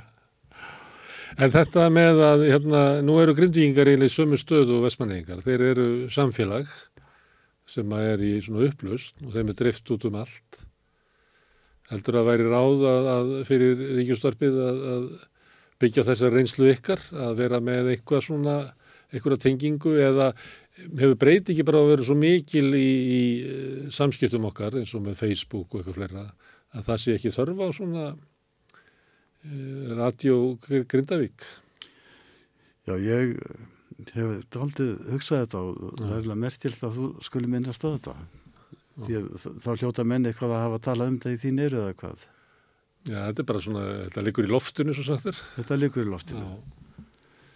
Sko, ég held að það hefur verið mjög stjénsarlegt að hafa eitthvað stað þar sem grindvíkingar gætu sko hlustað á efni sem tengdist Grindavík og mm. allir þeirri upplýsingamöðlun sem á sér stað þar. Mm. Og það væri miklu heppilegra á margan átteldur en að, að, að, að flakka alltaf á milli útastofa. Já. Þannig að ég, það væri alltilega að koma með þátt sem heitir Grindavíkur pistill. Já. Og ég held að sko, ef það er því gert að þá myndum enn tjási miklu meira og hleypa tilfinningu sínum að eða þetta væri þáttur sem væri fyrst og fremst fyrir samfélagið úr Grindavík. Og það skiptir máli ef að, ef að þú ert grindvikingur á flotta að heyra í öðrum grindvikingum í sömu stöðu að fólk við svona, við mátum okkur svolítið við annað fólk og hvernig annað fólk bregst við og upplifir hlutina eða ekki. Jó og þá náttúrulega er kannski rétt að reyfja upp af hverju við Artur vorum valdir í, í þetta Já. dæmi. Sko Stefán Jónsson ásamt formanni útvarsráðs þá þeir fóru á fundbæjarstjórnar og buðu fram þennan þátt og Stefán sagði að það væri aldjört skiliðið að þetta væru menn sem allir þekktu og allir vissu hverju væri og allir getur talað við Já. og bæjarstjórn fór eitthvað að velta þessu fyrir sér og nefndu hinn á þessa ágæta menn nema Stefán sagði ég hef þessa menn og nefndi okkur Já. og þá sko voru menn eitthvað hættur um það sömur hverjir að við myndum eins og ykkur orða að, að hefna gamalla harma föður okkar á núvarandi hérna, hérna áhrifamönnum í eigum því að þáverandi áhrifamönnum sem náttúrulega hefði aldrei komið til af okkar hálfu því að mm. bara liðið er liðið og Stefán saði mér frá þessu og, og ég einsettaði mér sjálf um mér að ef ég þurfti að leita á náðir einhver sem ég vissi að var pólitískur andstæðingu föðin míns mm. að þá myndi ég ekkert sko láta það í ljós hvernig mér liði gagvart þessu manni. Mm nema ég lendi stundum í því að menn neytu að tala við mig og ég tróð mér inn á þá oh. og ég gleymi því aldrei að eitthvað tíman hitt ég tvo menn og annar helsaði mér þullega þannig ég tók í höndin á hann mm. og saði ég veit að því fæði mín voru engir perluvinnir en liðið er liðið mm. og hann brotnaði bara saman oh. þannig að þetta var þetta voru aldrei átök að að gera þess að þetta samber nóttin 22. mars þegar bóstara bara alltaf til, bara til fjárhans mm. þá kom hann að flakkarinn og þusti yfir bæin og það fóru fleiri tugir húsa eða hundruð undir hraun bara stuttum tíma mm.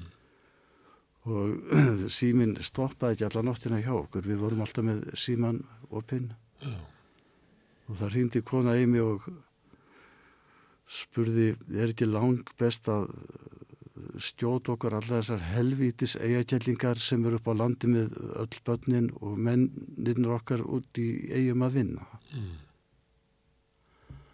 og Arthur lendi því að það var hringt í hann og það var bara sagt frá því það var kona sem gaf upp nafn og símanúmer og allt þetta og saðist bara alltaf fyrirfæra sér.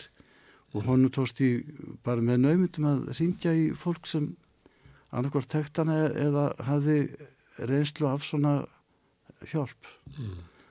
þannig að sko þó að svona gladlindið eins og eru yfirlið því að versmanningu væri, væri mikið að þá var ekki djúft á viðkvæmnina. Og erfendingu Já. Þess að fólk var að horfa upp á það að kannski væri bærin bara að fara. Nákvæmlega. Það var ekki, við veitum það núna að það gerist ekki en á þessu tíma að þá var það kannski bara raunverulegri svona niðurstaða heldur það að, að þetta færi allt saman vel. Þetta leiði dýll út. Ja, en það hefði geta farið verið ef Þorbirni Sigurgersinni professor hefði ekki dóttið í huga að spruta sjó á raunnið. Og það voru fengnar dælur, ég held að bandaristi herin hefði útveða dælurnar og það var sprautað 10.000 lítrum á sekundu á raunnið. Mm. Þú getur ímyndaðir hvers konar gríðalegu kraftur þetta var. Mm. Og eftir sitja um 150.000 tonn af salti í nýja runnu í eigum. Þetta var dælt upp úr sjónum. Já. Og sittur eftir þegar vatnið gufaði upp. Já. Já. Og bjargaði höfninni, er það ekki svona almennt með álitið að þessar aðgerið hafi bjargaði höfninni? Það gerir það. Kollega og nú er höfnin orðið góð. Já. Og betrið en hún var áður. Já. Og það hefði verið sjálfhætt byggð í eigum ef að höfnin hefði farið. Það held ég eiginlega sé nokkuð augljóst. Já. Og það voru grindvíkingar að horfa upp á þegar það sá hraun svona spíuna sem að gekk inn í bæin ef hún hefði haldið áfram, ef að, ef að súsprunga hefði haldið áfram að framlega hraun, að þá stemdi hún bara niður á höfn. Niður á höfn, já. Það var þannig. Já, nú er náttúrulega þetta ég svo lítið til í Grindavík, þannig ég kemur ekki alveg grill fyrir hvernig þetta var, hvernig já. þetta er. En nú er það, við erum að horfa tilbaka í Vestmennagósið, þetta er svo langt um liðið, þá er sagan eiginlega svo að, að það bjarguðst allir fyrir einhvert kraftaverk Já. og uh, landsmenn tóku á móti Vestmenningum og það var fluttin viðlega sjóshúsið og að, hérna, gekk vel og svo var Vestmenningar skulu rýsa, sagði Ólafur Jóhannesson og, og og Vestmannir snýru aftur og byggðu upp samfélagið á nýju. En sagan er náttúrulega ekki alveg svona einföld, það fór ekki allir aftur út.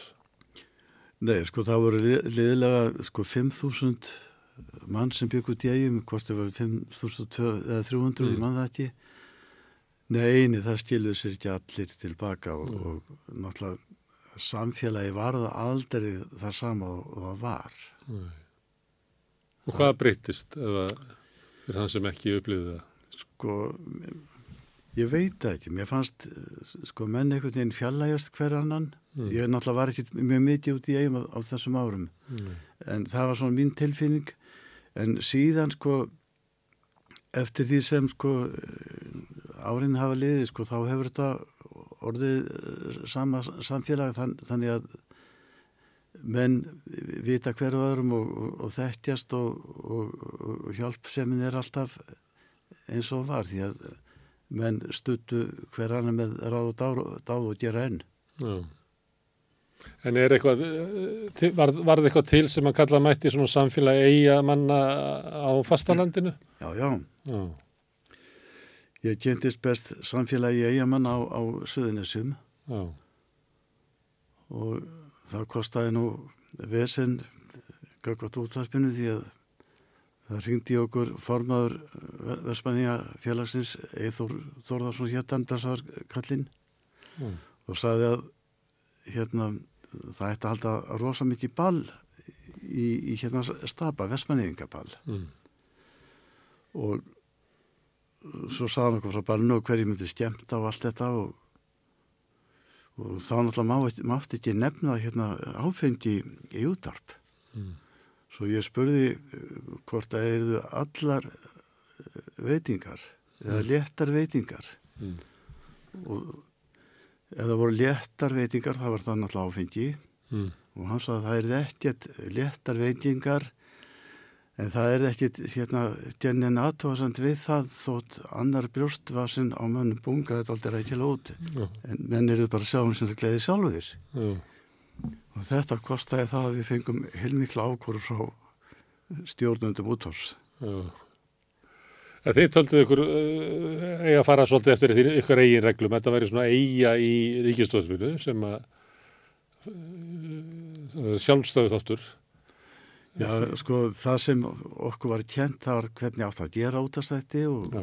við fórum dálta vel eftir því held ég en svo einhvern veginn stinniðu við það þannig að bara með því að taka þetta svona hálgjert á kærleysinu og vera með svona ákveðin gálga, hómar eins og þetta með að versmenni engar ættur sitt eigið útvarp, allt þetta, mm. að það virkaði aldrei vel. Já. Og þetta breytti þínu lífi, þú varst í lögfræðinni og þú varst lokkar inn í þetta og síðan hefur við verið að vinna meira þarna megin heldur en allavega meira enn í lögfræðinni. Já, ég held að ég veit ekki hvernig ég á að svara þessu. Sko, ég er náttúrulega, þegar ég byrja að vinna að þessum þáttum, sko, þá heitlaðist ég gjössamlega að, að útast að gerð. Já. Og gerði þetta aldrei mikið að þáttum og síðan liti hvaða veðru við, ég fór að fást við að til hljóðbækur og mm. það eiginlega hefur orðið megnið að mínu lífstarfi ja. á samt tónlist. Já. Þannig ég á eiginlega eldgóðsunum mikið að þakka. Og heldur að það hefur ekki orðið góður og, og hafmyggjusamur lögfræðingur? Ég veit ekki, sko, þetta, var, þetta námiðt var vonlust. Já, já. Því að þetta var alltaf lesin á segulband og ég hafði engar hérna bækur til að fletta upp í eða það var engin aðstóð þannig sem Nei. var veitt á, á þessum árum þannig að þetta var bara bjartir sínis ruggli mér ætlað mér að verða lögfræðingur mm. en það mátti reyna mm. Nú er hérna allt óvist hvort að, að Grindavík muni byggjast upp aftur það var eiginlega eftir að meta það hversu íla bærin er farin að þessu sprungum og svo náttúrulega eftir að koma í ljós þó að sé að hæja á gósinu núna og það er slokna að þá geti það bara að byrja að gjósa aftur eftir viku eða mánuð eða ár þannig að getur eða enginn svara þessu. Hvernig var hugmyndur um það að, að, að hvort að fólk ætti að fara aftur út í eigjar eða ekki? Var, þá voru náttúrulega ekki bara sambarilegar mælingar og insýn inn í sko jarðfræðina eins og er núna. E, mátti bara var það kannski þannig að það bara mátti eða ekki nefna það að það væri ekki hægt að fara aftur út?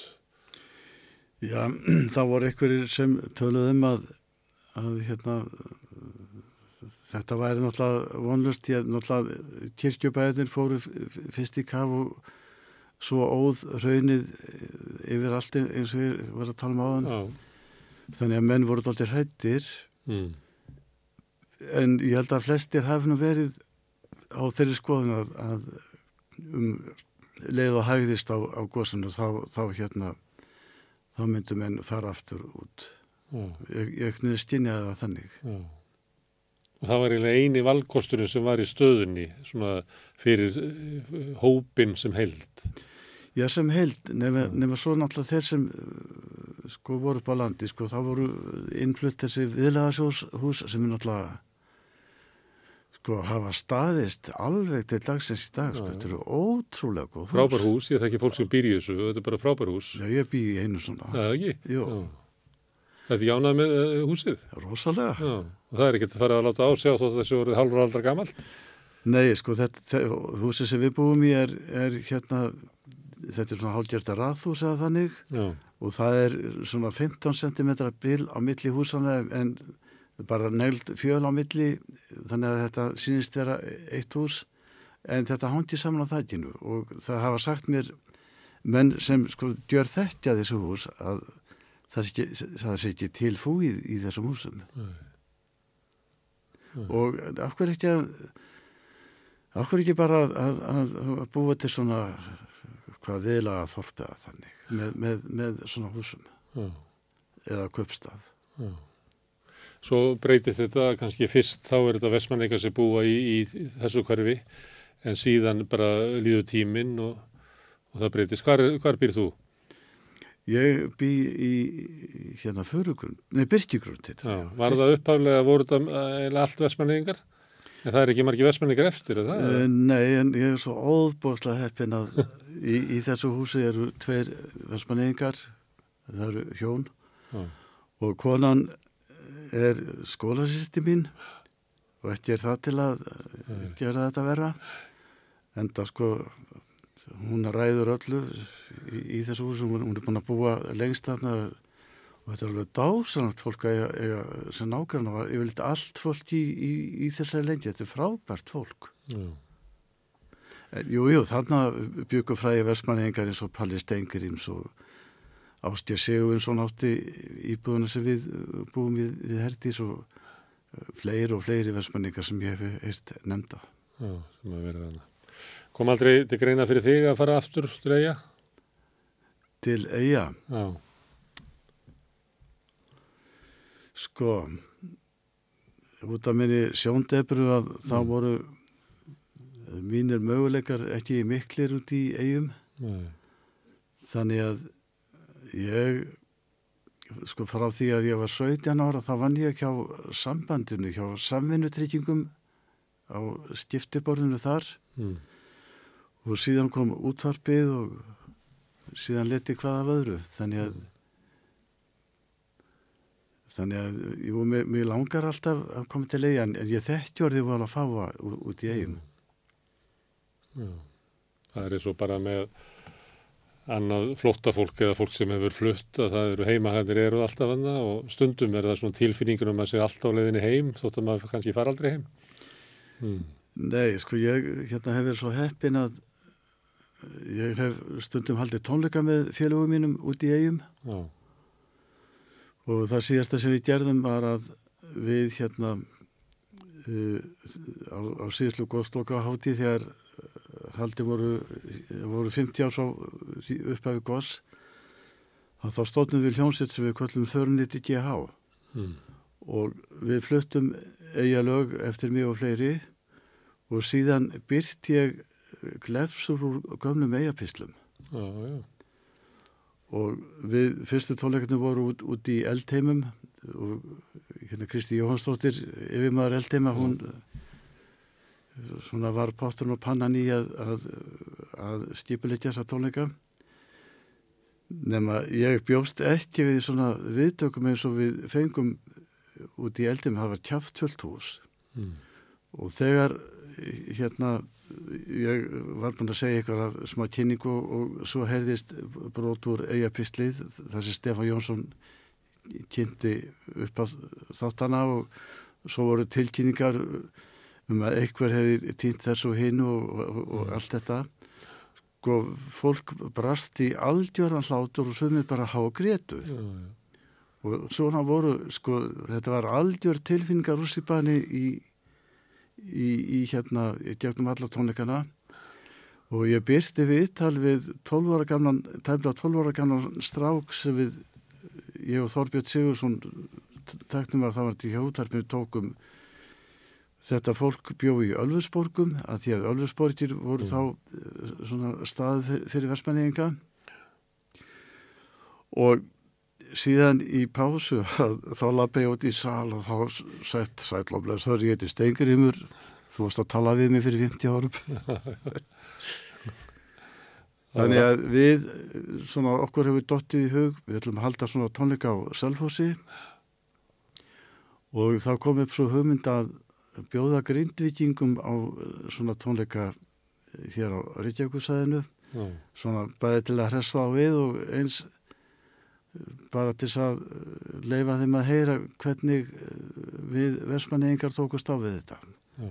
og Þar að með leiða- þessum þar- með útastáttum. já og þar að leiðandi hlýtur að verða stofnaður ykkur grindavíkur pistil Já. hefur þú ekki verið að bjóða mönnum við hér? höfum talað við marga grindvíkinga hérna og fyrir í þessu þætti og í gær og í fyrradag og, og uh, ég er náttúrulega gammalt fjölmjörnamaður og veit alveg að það er mikilvægt fyrir fólk svona hó, hóp að geta einhvern veginn spegla sig hvort í öðru og hvernig fólk tekur í þessu og, og það sem er kannski sagt í hennum almennu fréttum og hennum almennu þáttum er kannski ekki efni sem að best hendar grindvíkingum hverju sinni en eins og var á ykkar tíma að frásagnir af gósin og annars líkt að þið þurftu svona að, annars konar frásögn og aðra, aðra annars konar upplýsingar sem áttu kannski ekki heima inn í svona uh, almennu fréttum sem voru ætlaðir handa öllum landsmönnum sko. Já, þetta er það er daldið til í þessu hjá þér Mm. það er daldið til í þessu þetta, þetta var daldið sérhæft Já. með eigapistil en, en samt sko höfði þetta til miklu fleiri heldur versmanni. Ég, ég man alveg mann eftir þessu, svona, ég man eftir svona tóninum og blænum og röttin í ykkur og ég man alveg eftir þessu. Ég, svona, ég var ekki, ég var 13 ára þegar góðsig byrjaði. Þannig að Já, þú náttúrulega, býtu, hvað hefur versmanni kannski ekki? Þú hefur þá verið komið við kvolpavitt. Já, já. Er þetta ekki slið? Takk fyrir að koma hingað og rifja þetta upp. Þetta er bæði saga af hamförum en þetta er líka saga af fjölmjölum og hlutur ekki þeirra. Já, takk fyrir að bjóða mér. Bara versta þetta ekki. Og þetta eru lokin á þættinum okkar í kvöld. Ég þakka öllum gestum okkar sem hafi hingað komið og ykkur sem hafi verið að hlusta eða horfa.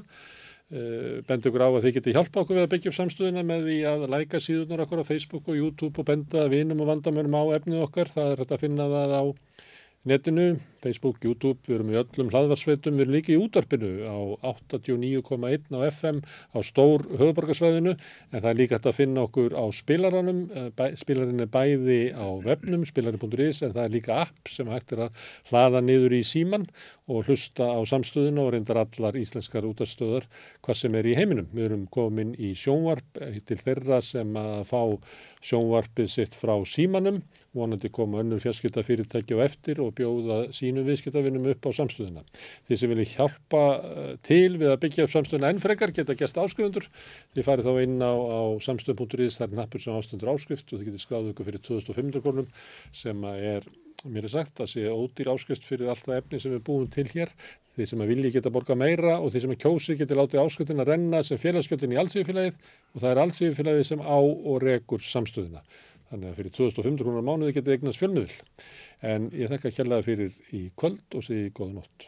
Hvernig getur við réttlætt að um 63% eblingarkvenna eigi erfitt með að ná endum saman? Ebling stjættarfélag. Baróta fyrir betra lífi. Segðu það á samstöðinni.